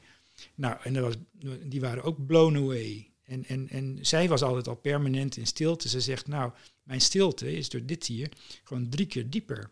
Dus, want zij kwam uit uh, de TM-hoek. Haar vader was daar uh, in Nederland uh, de, ja, het vicepresident of wat dan ook geweest. En, ehm, en, en ja, dus, dus ook daar weer, hè, dus de hele TM, wat, waar, wat weer helemaal ingegoten was, dat, dat, dat werd opeens overschaduwd, wil ik zeggen, maar is niet het goede woord. Maar in ieder geval, dit, dit was gewoon veel sterker. En ze zei, nou ja, god, je moet iets mee. En op een gegeven moment, ik had iets van, nou, ik kwam er niet uit of ik nou, ik, ik wou eigenlijk, nou ja, hier komt weer spiritueel ego. Dus ik, ik had deze techniek ontvangen en ik zat daar van, uh, ja, uh, ik kan het mensen wel leren, maar het is zo makkelijk. Ja, en dan krijg je weer protectionistisch. Dan je wel weer, je wil wel weer graag het zelf geven, begrijp je? Mm -hmm. En, uh, en op, opnieuw is dat weer fnuikend voor je effectiviteit. Dus, nou ja, je had toen de tijd had je dus de hele gratis cultuur, hè, dat je met, met reclames en weet ik veel andere manieren. Dus uh, ook, ook jullie podcast zit natuurlijk ook een beetje in, in die hoek. En uh, dat je dus op een andere manier dingen. Dus ik had iets van, nou moet ik dit nou gratis gaan geven? Want ik wou dat iedereen het kon, enzovoort. En maar dan krijg je dus toch die spelletjes in je hoofd en die gedachtepatronen, waar je dan toch weer een paar van uh, denkt van nou, ja, dat vind ik toch niet fijn anders. En, maar ik dacht toen met, met Oneness, hè, dus die uh, Bhagavan, die hadden zo groot publiek, die hadden iets van drie, drie miljoen mensen of zo over de hele wereld, die ze dus regelmatig spraken en, weet ik veel. Dus ik dacht van nou, wat ik nog wel toe bereid was, dat ik hem of hun, hè, met zijn hele organisatie, dat ik dat daar zou zou leren. En dan dacht ik van, nou ja, weet je, als, als zij dat gaan verspreiden, dan gaat het wel lekker snel. en, uh, dus daar was ik toe bereid. Ja, en dat heeft, uh, nou, die, die, die andere, die collega, die heeft dat toen, uh, die, die was daar, eigenlijk had die wat, wat, wat stevige entrees. Ik had alleen maar cursussen gedaan. Zij had ook echt wat connecties. En, en wat gebeurt er? Toen, toen, nou ja, dat hebben ze voor, ze hebben dat voor kennisgeving aangenomen. Ze heeft hun ook gedemonstreerd, want ik had haar opgeleid. En uh, uh, nou ja, dus en, wat, en toen binnen anderhalve maand of zo kwam Oneness met de presence techniek. En, en die kwam niet van mij. En nou, dan zat ik dus weer met mijn ego. En, maar ik had iets van, nou, ze, wat ze dus aan bezig waren, is dat ze de, de essenties van waar het om gaat, die hadden ze opgepikt. En die waren ze gewoon zelf gaan onderzoeken. En daaruit brachten zij een nieuwe uh, techniek. Maar omdat ze dus de, de bron niet hadden, uh, is die nooit uh, tot succes. Ik vond het zo'n smerige streek, man. Ja, dat geloof ik. En, dus, maar dat maakt mij niet uit. dat is gewoon een, nieuwe smaak bij hun geweest. Maar ik ben overtuigd dat het niet zo krachtig was als wat, wat ik deed. Maar je ziet ook dat ik dus daar wel degelijk gevoelig voor was. Ja. Toch dus ego. Je, je, zit, ja, je zit toch met allerlei dingen. En, en dat belemmerde mij in mijn, uh, in mijn effectiviteit daar. En uh, nou ja, en het volgende wat gebeurde is dat ik dus naar de VN kon. Naar een, een bijeenkomst in Zuid-Amerika. Met, ja, en, dus daarin kon ik nou opeens ook onder mensen van het Koningshuizen over de hele wereld enzovoorts. En, ja, dus, maar toen, was er dus een, nou, toen had ik net iemand waar ik op verliefd was geweest. En, en nou ja, die was een Amerikaanse. En toen dacht ik van nou ja, je moet of nu erin stappen of niet.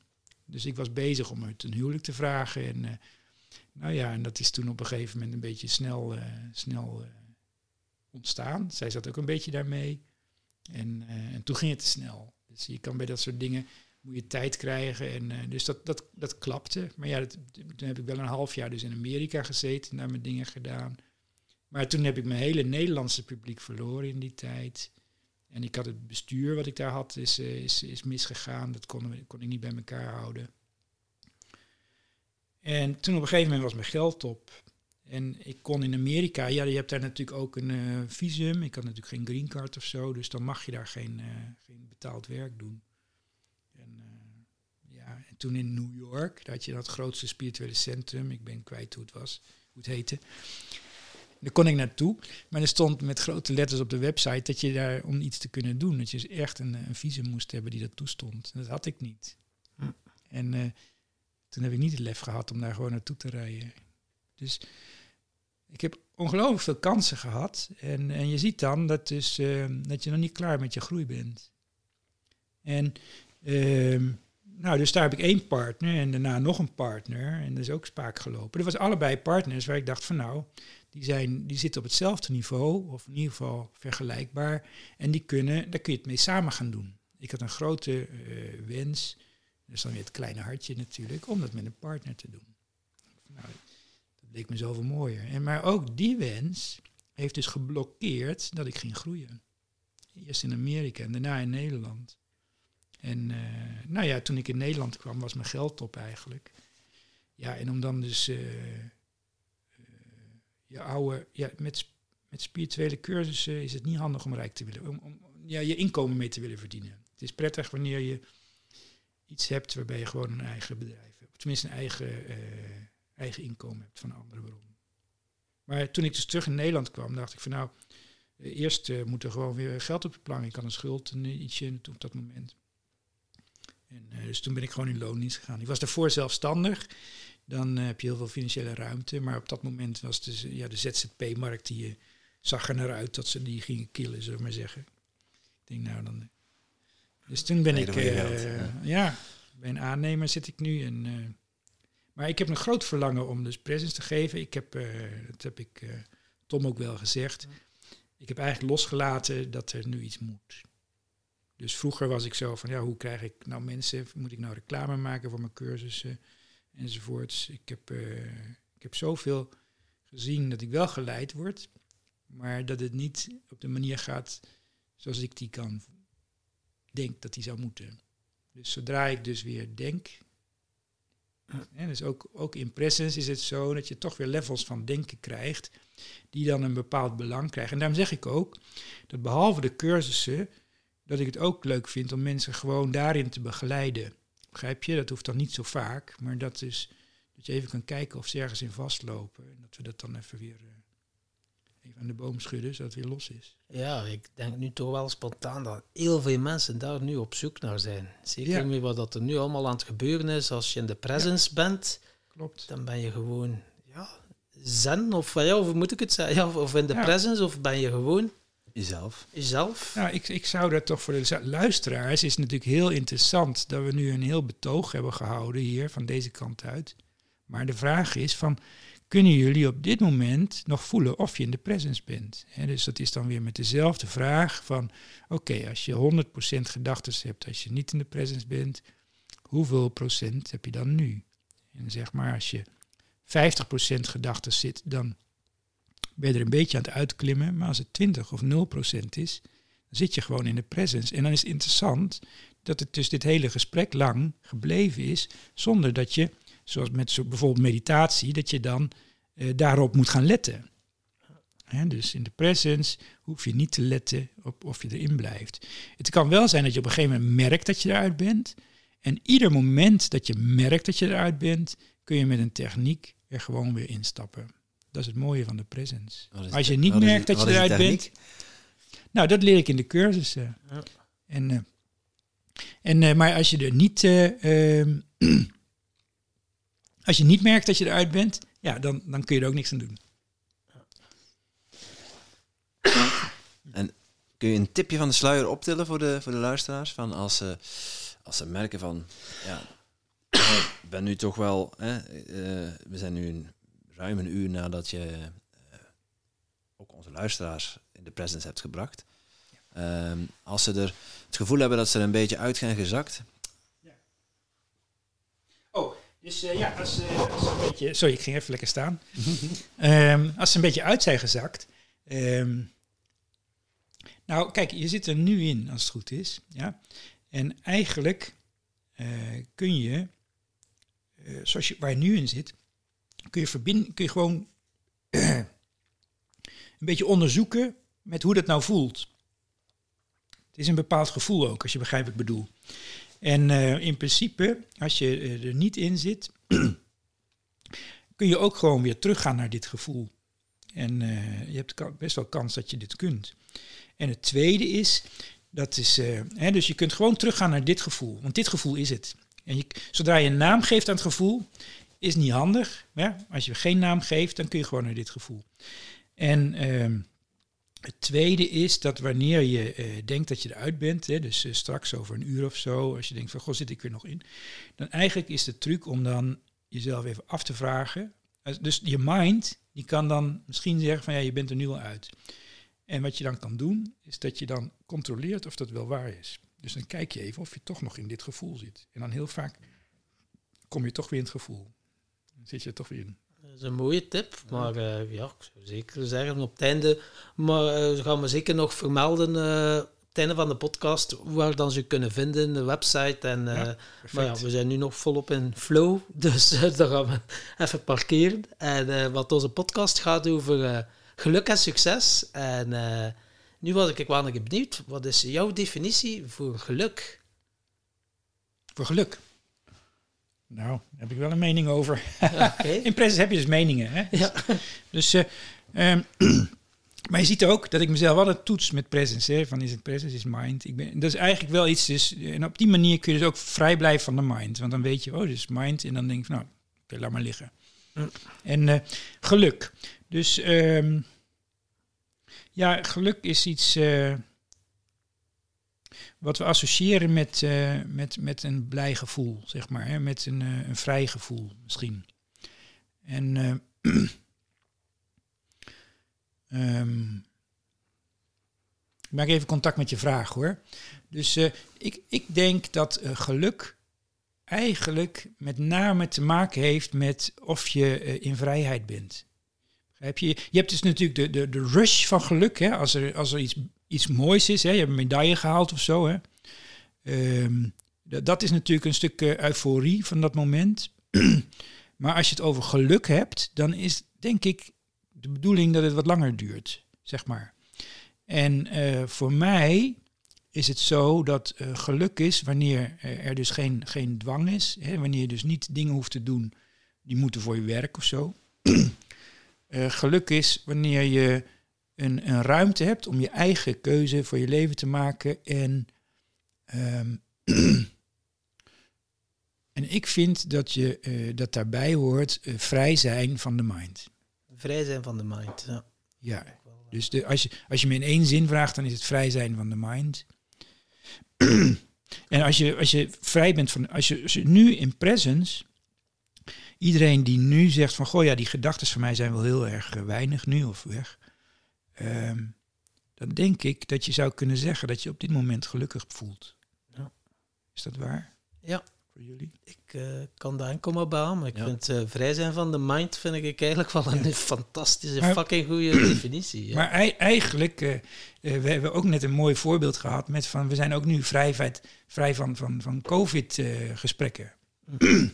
ik ga er nu naartoe om te kijken of het triggert, maar het triggert niet. Ja, dus we zijn hier vrij op een bepaalde manier. En, en, en eigenlijk als je in deze manier van vrij bent, dus niet iets wat je geconstrueerd hebt, hè, Amerikanen en bijvoorbeeld Saoedi's ook, hè, dus in eh, Abu Dhabi of zo, weet je wel. Daar hebben ze een hele eigen wereld ge- ge- gecreëerd. Dat is dus een ding wat voor een belangrijk deel uit de mind komt. En dan kun je kijken, word ik daar nou gelukkig? Nou, dat is een knappe jongen die daar gelukkig is, begrijp je? Eh, ik ga liever naar het bos of naar een waterval toe. Dan word ik eerder gelukkig. En dat, dat Je heeft, te maken, met de natuur. nat- Met de natuur. heeft te maken met die vrijheid. Hè? Dus, eh, vrijheid. Maar ook vrijheid van de mind. Maar ook vrij, in Abu Dhabi is het lastig om in die vrijheid te komen. Omdat eh, ja, je kan alleen maar naar een zwembad gaan. Dat is kunstmatig. ja, dat is kunstmatig. En ik denk dus dat de Tuaregs daar, hè, bij wijze van spreken, ik weet niet, of misschien een ander volk, woestijn, dat die Niet meer, begrijpen van vrijheid dan, eh, dan die city dwellers. Ah, ik merk nu ook inderdaad, vrij zijn van de mind. Het geeft wel een gevoel van geluk ook. Ik denk, ben nu wel een keer benieuwd. De, ik zit af en toe en je regelmatig op. Ja, misschien als ze dat nu horen, de luisteraars, dat dat dan eh, niet is. Maar nu zo heb ik wel. Ik zit regelmatig op mijn telefoon, social media. Maar ik merk wel, als ik in die staat zit, presence, dat ik daar geen behoefte zou voor hebben. Voor op die telefoon op social media te zitten. Voor gelijk wat te doen. Dat ik nu zoiets heb van nee, ik ben nu al in een gelukkige staat. En het is veel plezanter dan een afleiding te gaan zoeken. En dat vind ik eigenlijk wel eh, mooi en opmerkelijk. Ja. Ja, dat is een mooi onderwerp wat je zegt. ik, iedereen die heeft natuurlijk zijn uitdagingen. En, en ik merk zelf dat ik dus eh, daar niet eh, vrij van ben. Dus ik, eh, ik zit heel veel op sociale media en, en ook YouTube en zo. En enerzijds is dat functioneel. Er zijn een aantal onderwerpen waar ik, nou, waar ik gewoon erg prettig vind om. Het, het is ook ontspannend. Dus ik vind het ook heel belangrijk. En, dus dat, dat is dan ook van, ja, ben ik dan daarin vrij? Dus dat is iets wat dan voor mij een eh, onderzoek is. En, ehm, maar waar ik het altijd aan toets. Ik, kijk, ik kan er allerlei verhalen bij. eh, eh, er is een verhaal dat het goed is, ja, en er is een verhaal dat het niet goed is. Mhm. Ja, bijvoorbeeld een verhaal dat niet goed is, is de vraag van, wie ben ik als ik het niet doe? Nou, dat kun je dan uitproberen, ja. En, eh, maar sommige dingen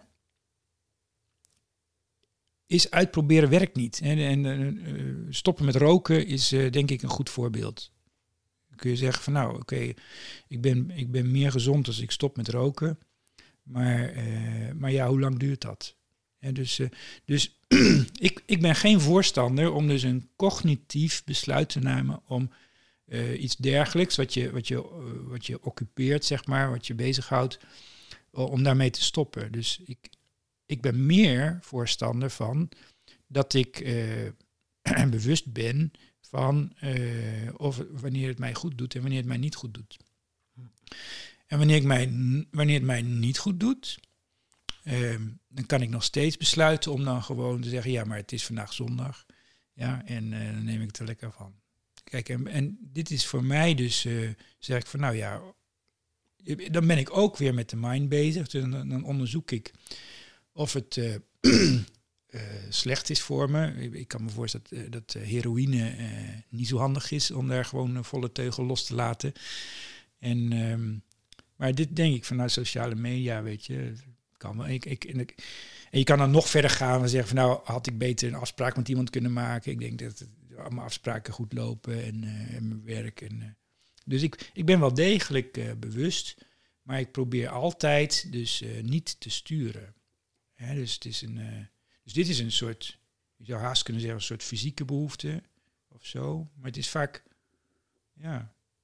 Nou ja, en dan komen de verhalen weer van, eh, zou het zijn omdat ik vind dat het in de wereld niet zo goed gaat of zo. En, maar die verhalen, Kun je altijd overtuigen. nee, maar die verhalen die ja. zijn echt van de mind. Ja. En, en dan kun je, als je die gaat onderzoeken, dan komen er nog meer verhalen. En daar is geen einde aan. Nou, dat doe ik dus niet. Oké. Ik ben dus wel bezig van is het goed of niet. Ja? En je, nou, het is niet goed, weet je wel. Of er komt zo'n, maar moet ik er dan mee stoppen, is een andere vraag voor mij. Ja. Ja. dat is niet, ik koppel dat niet. En ik, nou, ik hoef er nu niet mee te stoppen. En, eh, en andere keren stop ik er wel mee. Soms denk ik van, oh nee, maar morgen heb ik eh podcast. En dan eh, oh, niet te laat maken. Ja, ik, ik, heb, ik heb dat eerder dan het ehm, functionele. Het, het produceren van op social media. En dus met, Hmm. ons, met onze podcast hebben we ook onze eigen kanalen en dan daar dan mee produceren in plaats van het consumeren. Ehm, en als, als, ik merk, als ik merk dat ik aan het consumeren ben, want ja, de sociale media zijn er ook op ontworpen, om ons daar een ge- bepaald gevoel bij te geven. Maar ik heb mezelf wel aangeleerd om dat, om dat te herkennen en dan ook uit te kunnen stappen. Want ik voel dat dat niet goed is en dat me ook niet gaat brengen, dat me energie kost en me geen energie geeft. En eh, ja, dat het niet goed is. En dan komt die vraag inderdaad op van moet ik hiermee stoppen? En dan is het vaak ja. En stop je daarmee. Ja. En wat levert dat, eh, wat, wat geeft dat dan als een eh, nat- nasleep op? de nasleep is dat ik dan, eh, als, ik- als, als de telefoon weg ligt, dat ik me niet meer opgejaagd voel en dat, dat ik het kan loslaten. Ja. Oké. Dus het is niet zo dat je daarna denkt van nee, straks wil ik hem weer pakken. Op dat moment niet, nee. Nou, dat is mooi toch? Ik, ik ben altijd bezig, dus het besluit vind ik altijd interessant, maar ik reken het zelf af op de nasleep.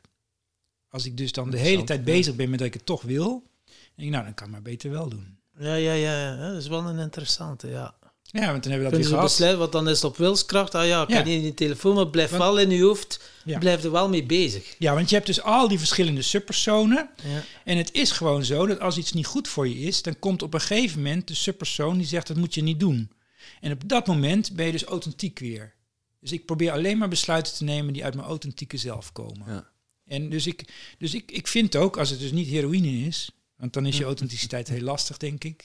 Geen ervaring mee, maar eh dat stel ik me zo voor. En, eh, maar, maar op zich, als je dus een, een, een slechte gewoonte hebt, dan, eh, dan, dan, dan is het gewoon goed om die te doen. Ik stimuleer mensen om dat dan ook een beetje te doen.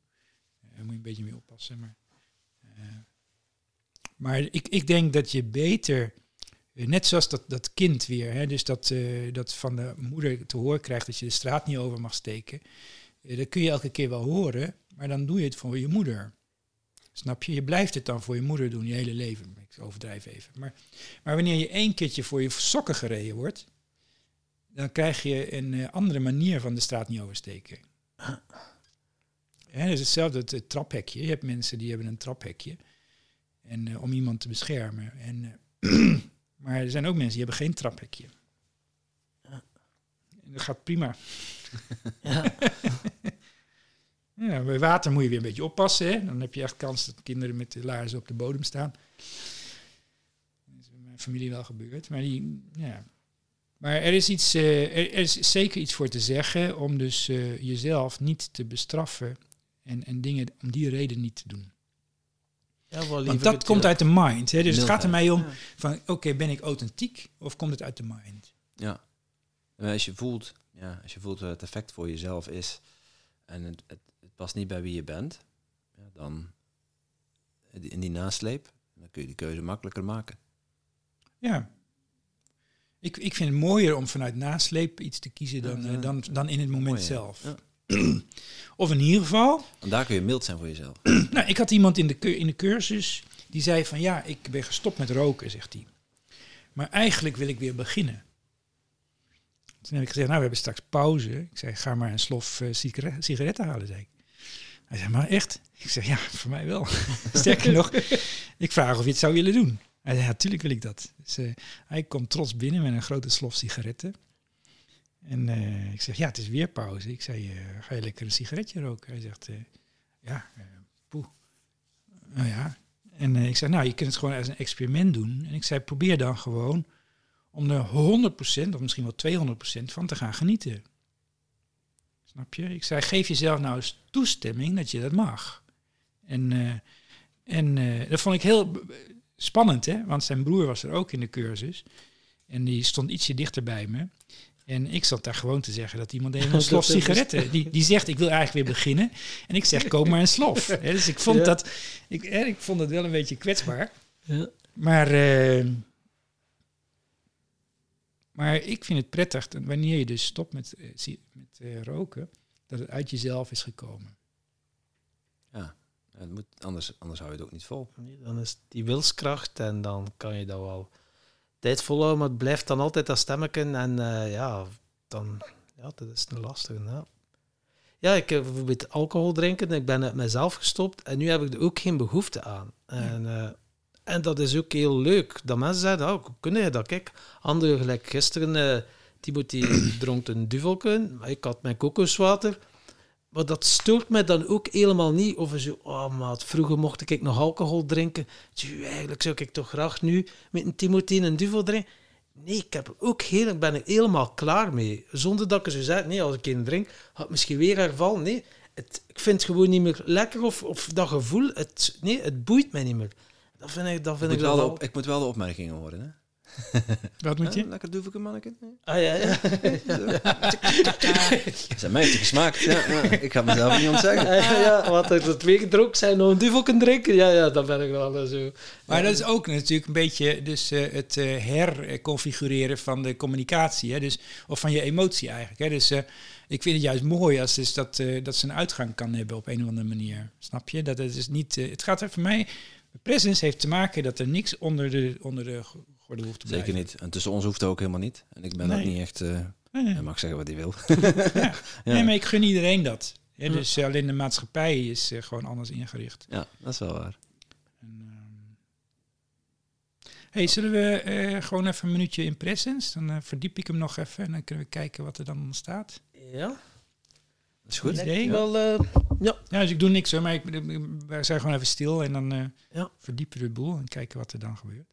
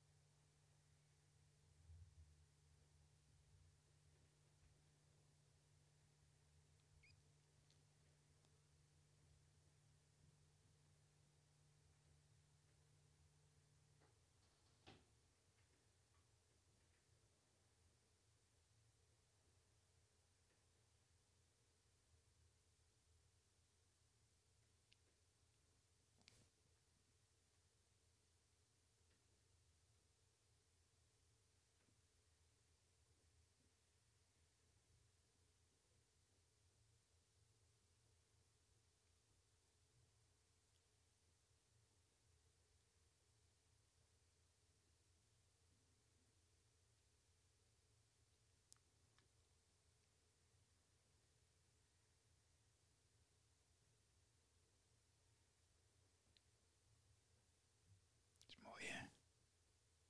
Stilte. Het is niet stil hè, het regent hè. Ja, dat is waar. Dus, eh, dus jij, jij merkt op dat het stil is, dat is heel mooi. Dat is echt hele pure presence.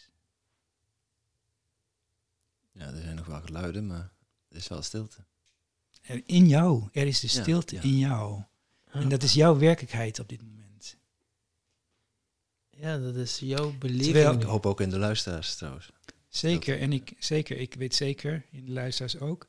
En, en het is zo dat presence, ehm, ik zeg altijd, de presence is er altijd. Dat is ook wat de meesters zeggen. Dus deze stilte is er altijd. Alleen, we zijn de hele tijd bezig met dus die film van de mind te bekijken.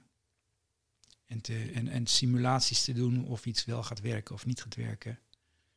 En we zijn de hele tijd bezig met het mindspelletje. Maar als dus de mind wegvalt, dan is er alleen maar dit. En dit is ever. Dit is ever. Ik denk dat er dit ook is als je, als je doodgaat. Dit gevoel. Dat is Is- spannende. Ja. Dan is doodgaan helemaal niet zo erg. Nee.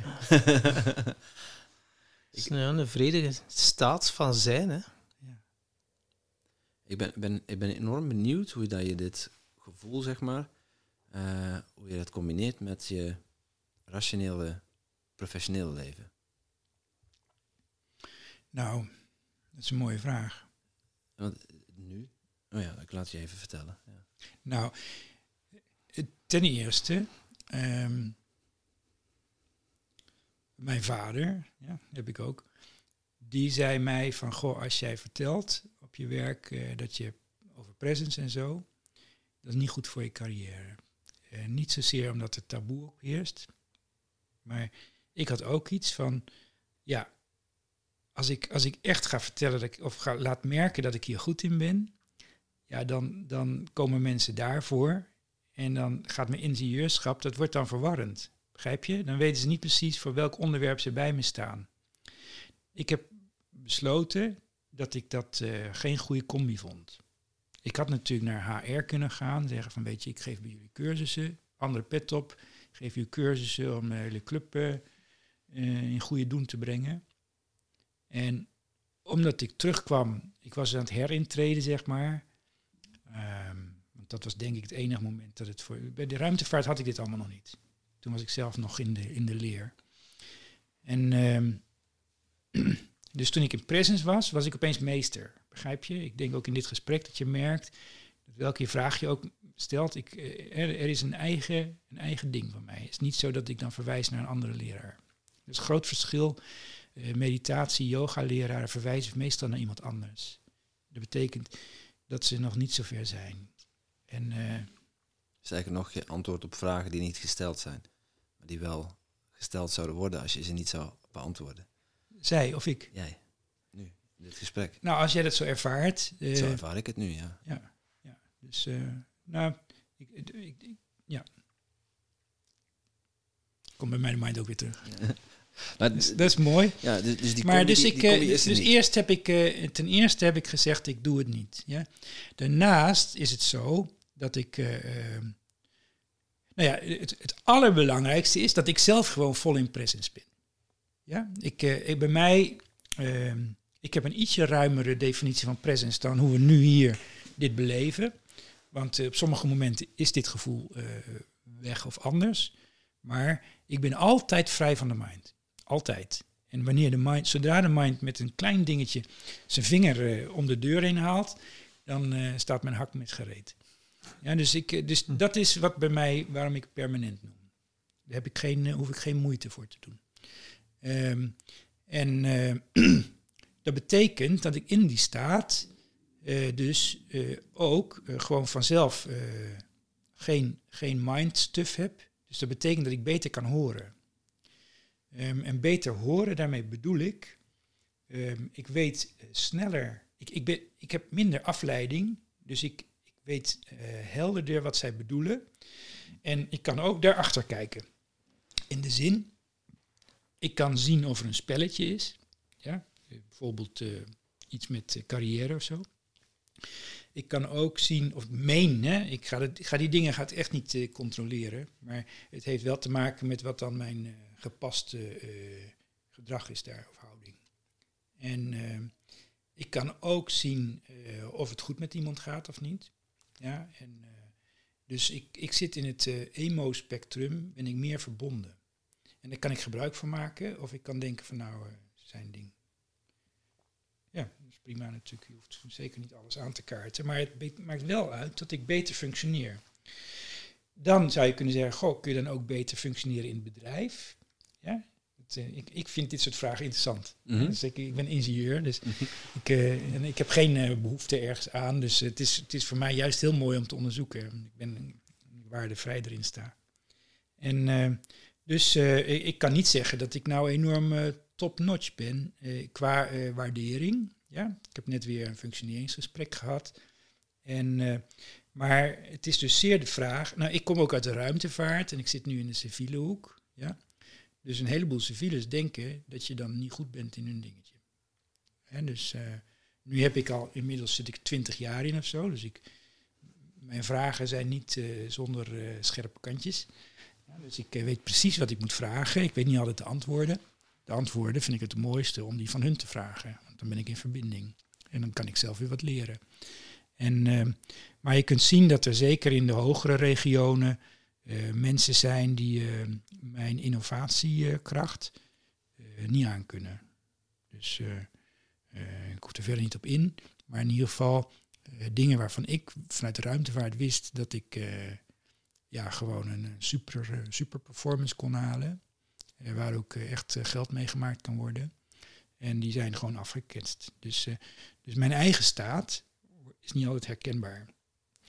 En ik kies ervoor om dat dan bij hun te laten. Ik denk, nou ja, weet je, ik, ik ben alleen maar bezig met plezier eigenlijk. Hè.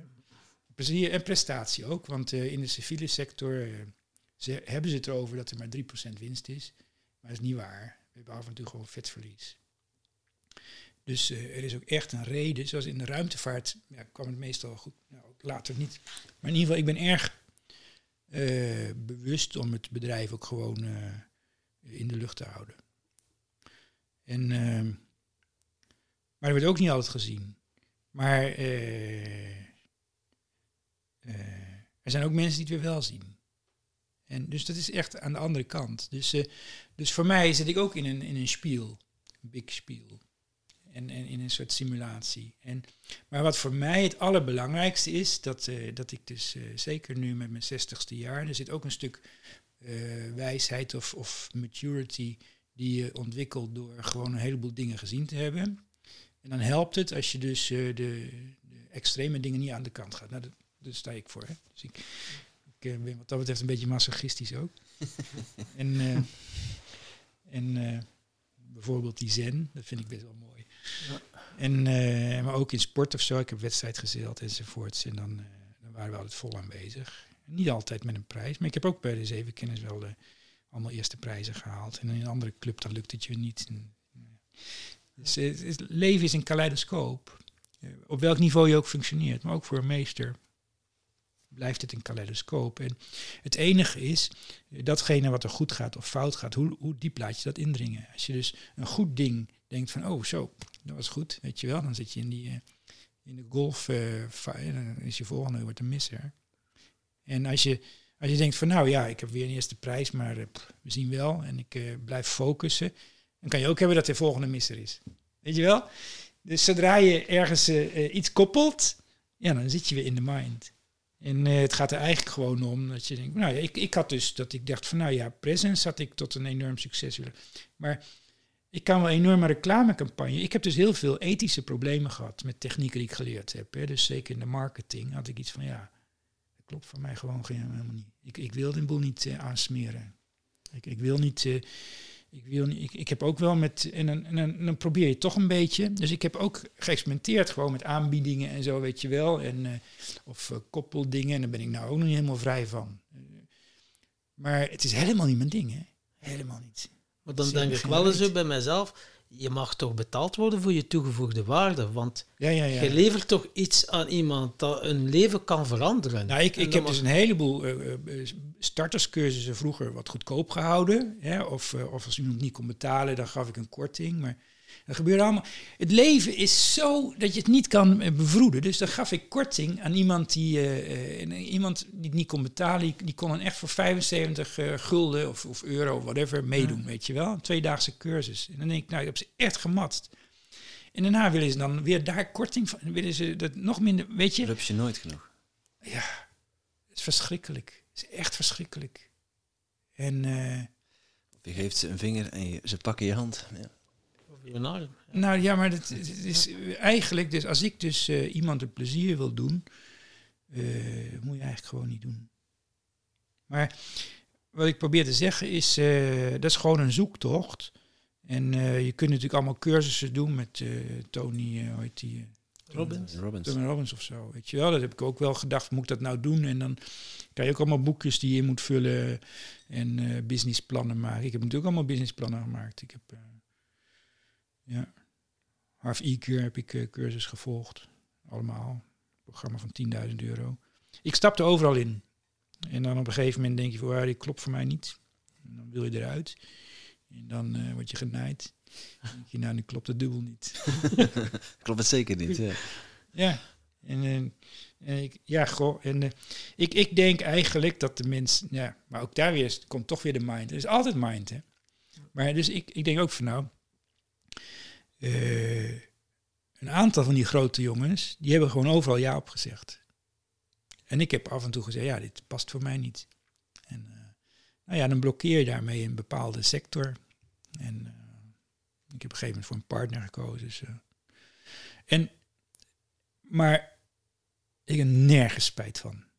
Ik zou het zo weer. Ik wil niet zeggen alles hetzelfde doen, maar ik, eigenlijk zou ik alles hetzelfde doen. Ik, en dan merk je toch dat je een bepaalde programmering hebt. En, en ehm, wat ik weet is dat ik een heleboel mensen bereikt heb. En, eh, en, en nog steeds. En, eh, en ik zou het hartstikke leuk vinden om eh, nog meer mensen te bereiken. Mooi. Tom vroeg jou net naar jouw definitie van geluk. Ja. Ik, ben- ik ben wel benieuwd naar jouw definitie van succes. Hoe zou je dat Succes. omschrijven? Ja. Ja, je komt hier heel erg in de semantiek van van de woorden. Mhm. Dat is leuk om te bekijken. maar succes is geen op zichzelf staand woord. Je kunt niet zeggen van eh, eh, ik ben succesvol. Dus, dus succes is pas succes als er een bepaald doel bereikt is. Dus de heel, heel, het kan of je een partner wil, of eh, je wil geluk, of je wil gewoon binnenlopen, of je wil financieel vrij zijn, of je wil niet in de goot zijn, of weet ik veel. Er zijn allerlei eh, dingen die dus met succes te maken hebben. Maar als je ze, als je, wat is succes? Als je dat vraagt, dan is het lastig om niet te weten, om, om dan ja, er iets over te zeggen. Ik denk dat succes. Ja, nee, je kan wel hele. Spiritueel of- of met presence kun je wel een heleboel dingen over zeggen, natuurlijk. Dus eh, succes heeft vaak te maken met, met een verlangen of, of met iets wat, eh, wat je zou willen. En heel vaak is dat ook eh, ingegeven door de maatschappij. Dus, eh, eh, en het heeft vaak een negatieve drijfveer. Dus ik wil erbij horen. Ja, ik wil kinderen, maar iedereen, mijn hele omgeving heeft kinderen. Of mijn hele omgeving heeft een vriendin. En ik niet. En ik, heb geen, ik heb nog steeds geen seks gehad. Weet ik veel. Er allerlei dingen waarvan je denkt van, oh, ik, ik, er ik, ik klop niet. En ehm, dus succes heel vaak is gekoppeld aan het gevoel dat het klopt. Dus dat je. En dus eh, in het perspectief wat ik net zei, is dat dus maatschappij voorgeschreven. Dat is niet altijd zo, hè? Als je met een hamer op je duim slaat, dan klopt die ook. eh. Ja, die klopt. dan ben je echt succesvol. Ja, maar dat is dan, eh, ja, dan heb je klop gehad. en dan is het met name die duim die klopt, niet de hamer. Ja, maar ehm, eh, je, zit dan heel, je komt dan in de buurt van, eh, ja, van eh, The Secret een beetje, hè? die film. Van het, ja, het, leren creëren. Ik, ben daar geen held in. Hè? Dus ik heb dat allemaal tot me genomen. En bij mijn, hoe ik dus, laten we zeggen, qua geboorte voorgeprogrammeerd ben, zo zie ik dat, is dat ik niet eh, de behoefte heb om eh, de wereld eh, ten positieve te, te- een duwtje te geven. Ik, ik ben heel erg juist in dat ik de dingen neem zoals ze zijn. En dan daar kijk wat er is. En dat betekent dat ik dus een stukje ego van mij, dat dat, zegt, eh, ehm, ja, maar er is meer. Zo.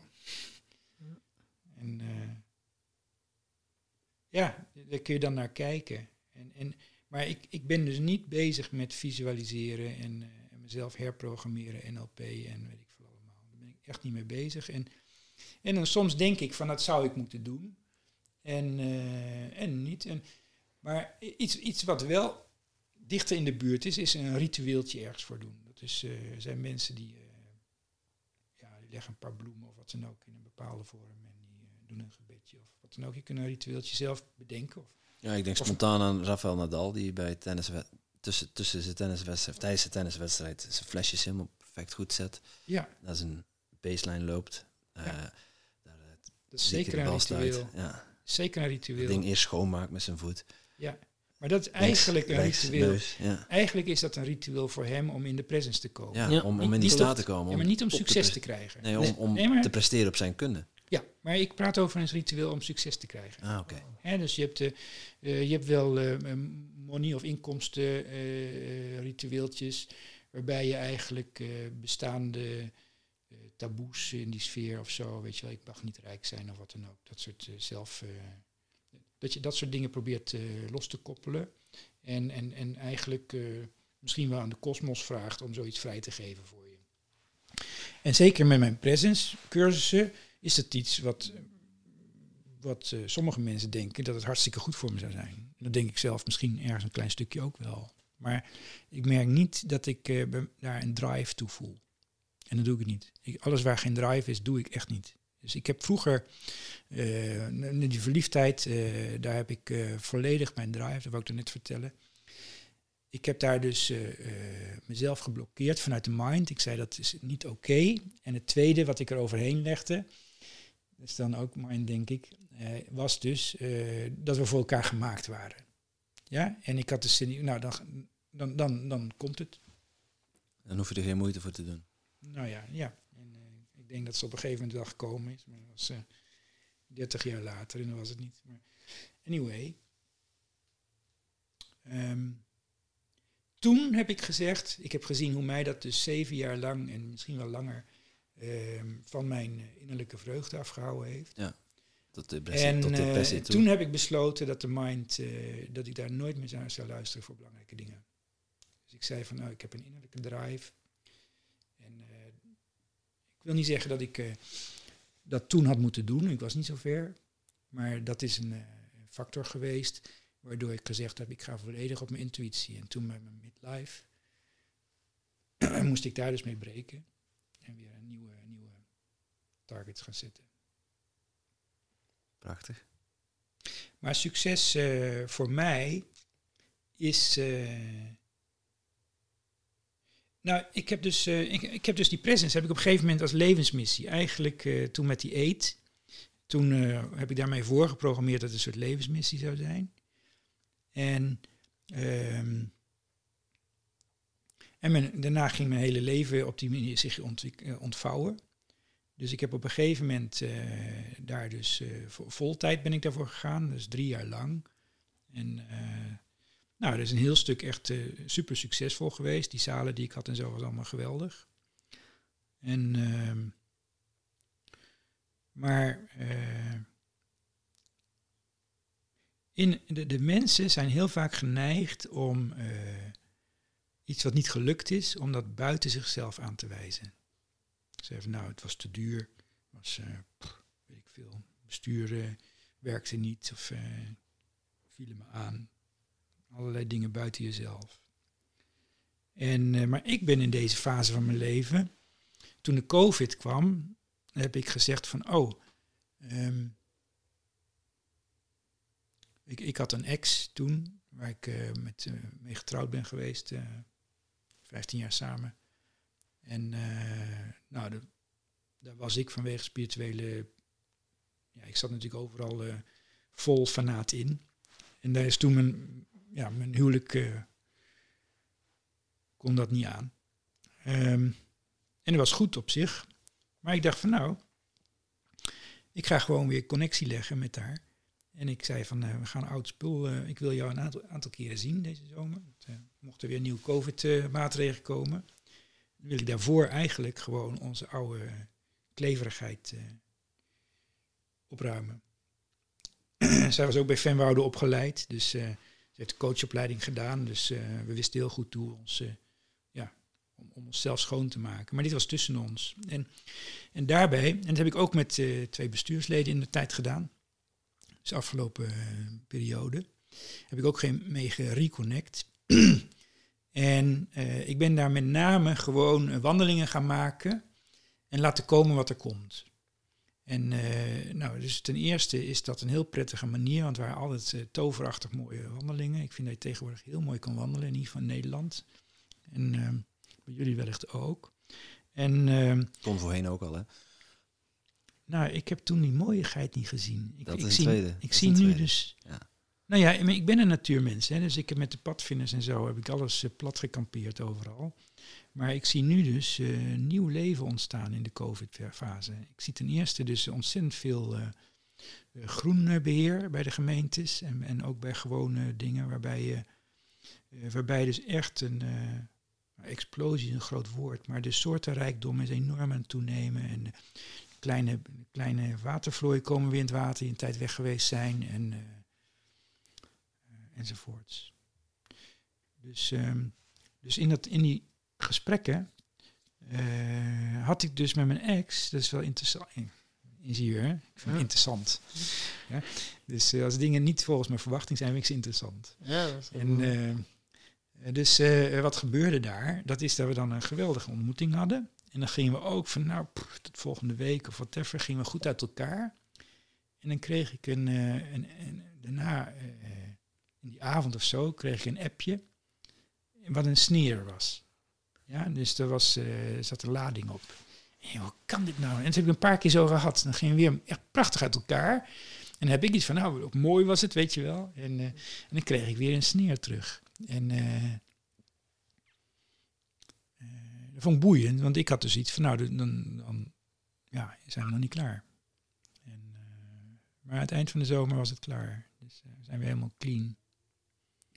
Maar ehm, het belangrijkste wat ik dat over succes, het belangrijkste wat ik daar gezien heb, is dus dat eh, de dingen waar we echt, eh, nou ja, weerstand op hadden van elkaar of zo, of, of die echt een beetje mis zijn gelopen daar, niet succesvol waren, bleken heel vaak eh, te maken te hebben met een misverstand. En dus het bespreken ervan bleek dat zij dus een conclusie zei van dit en dan hoef ik dat niet te doen.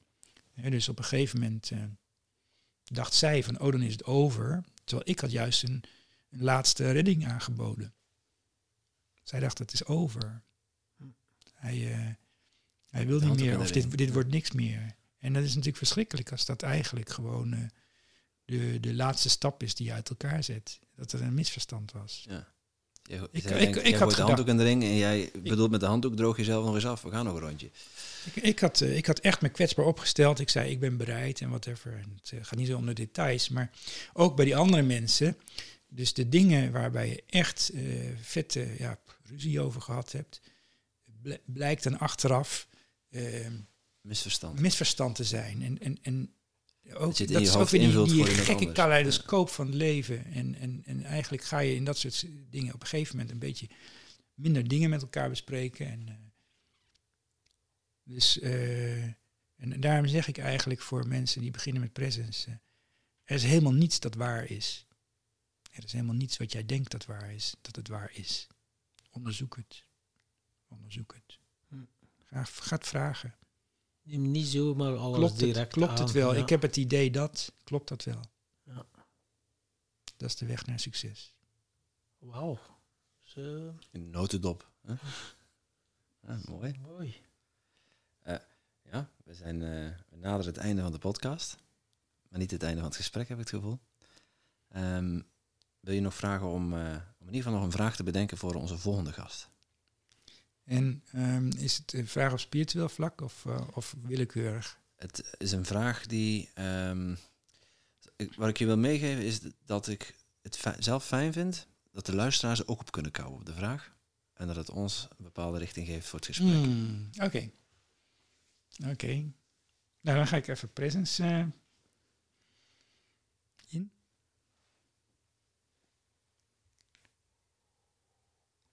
En dan luisteren, hè. Dus ik probeer dat niet te formuleren, ik probeer te luisteren wat ik mag zeggen. Uh. Oké. Okay.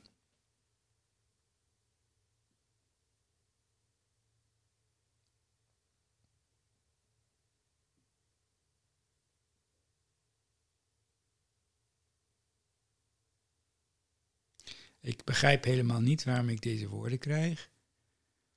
En het lijkt een beetje een vervolg op wat we net gezegd hebben, maar de woorden die ik krijg. Wat is in jouw leven je grootste succes geweest? En ik heb geprobeerd om het dan weg te wuiven. Ik denk, dat kan het toch niet zijn? Ik kwam drie keer terug. Wat is in jouw leven je grootste succes geweest? Kijk, ik vraag hem Tom om het te onthouden. Ik schrijf hem op. Dat lijkt me het niet vergeten. Mooi.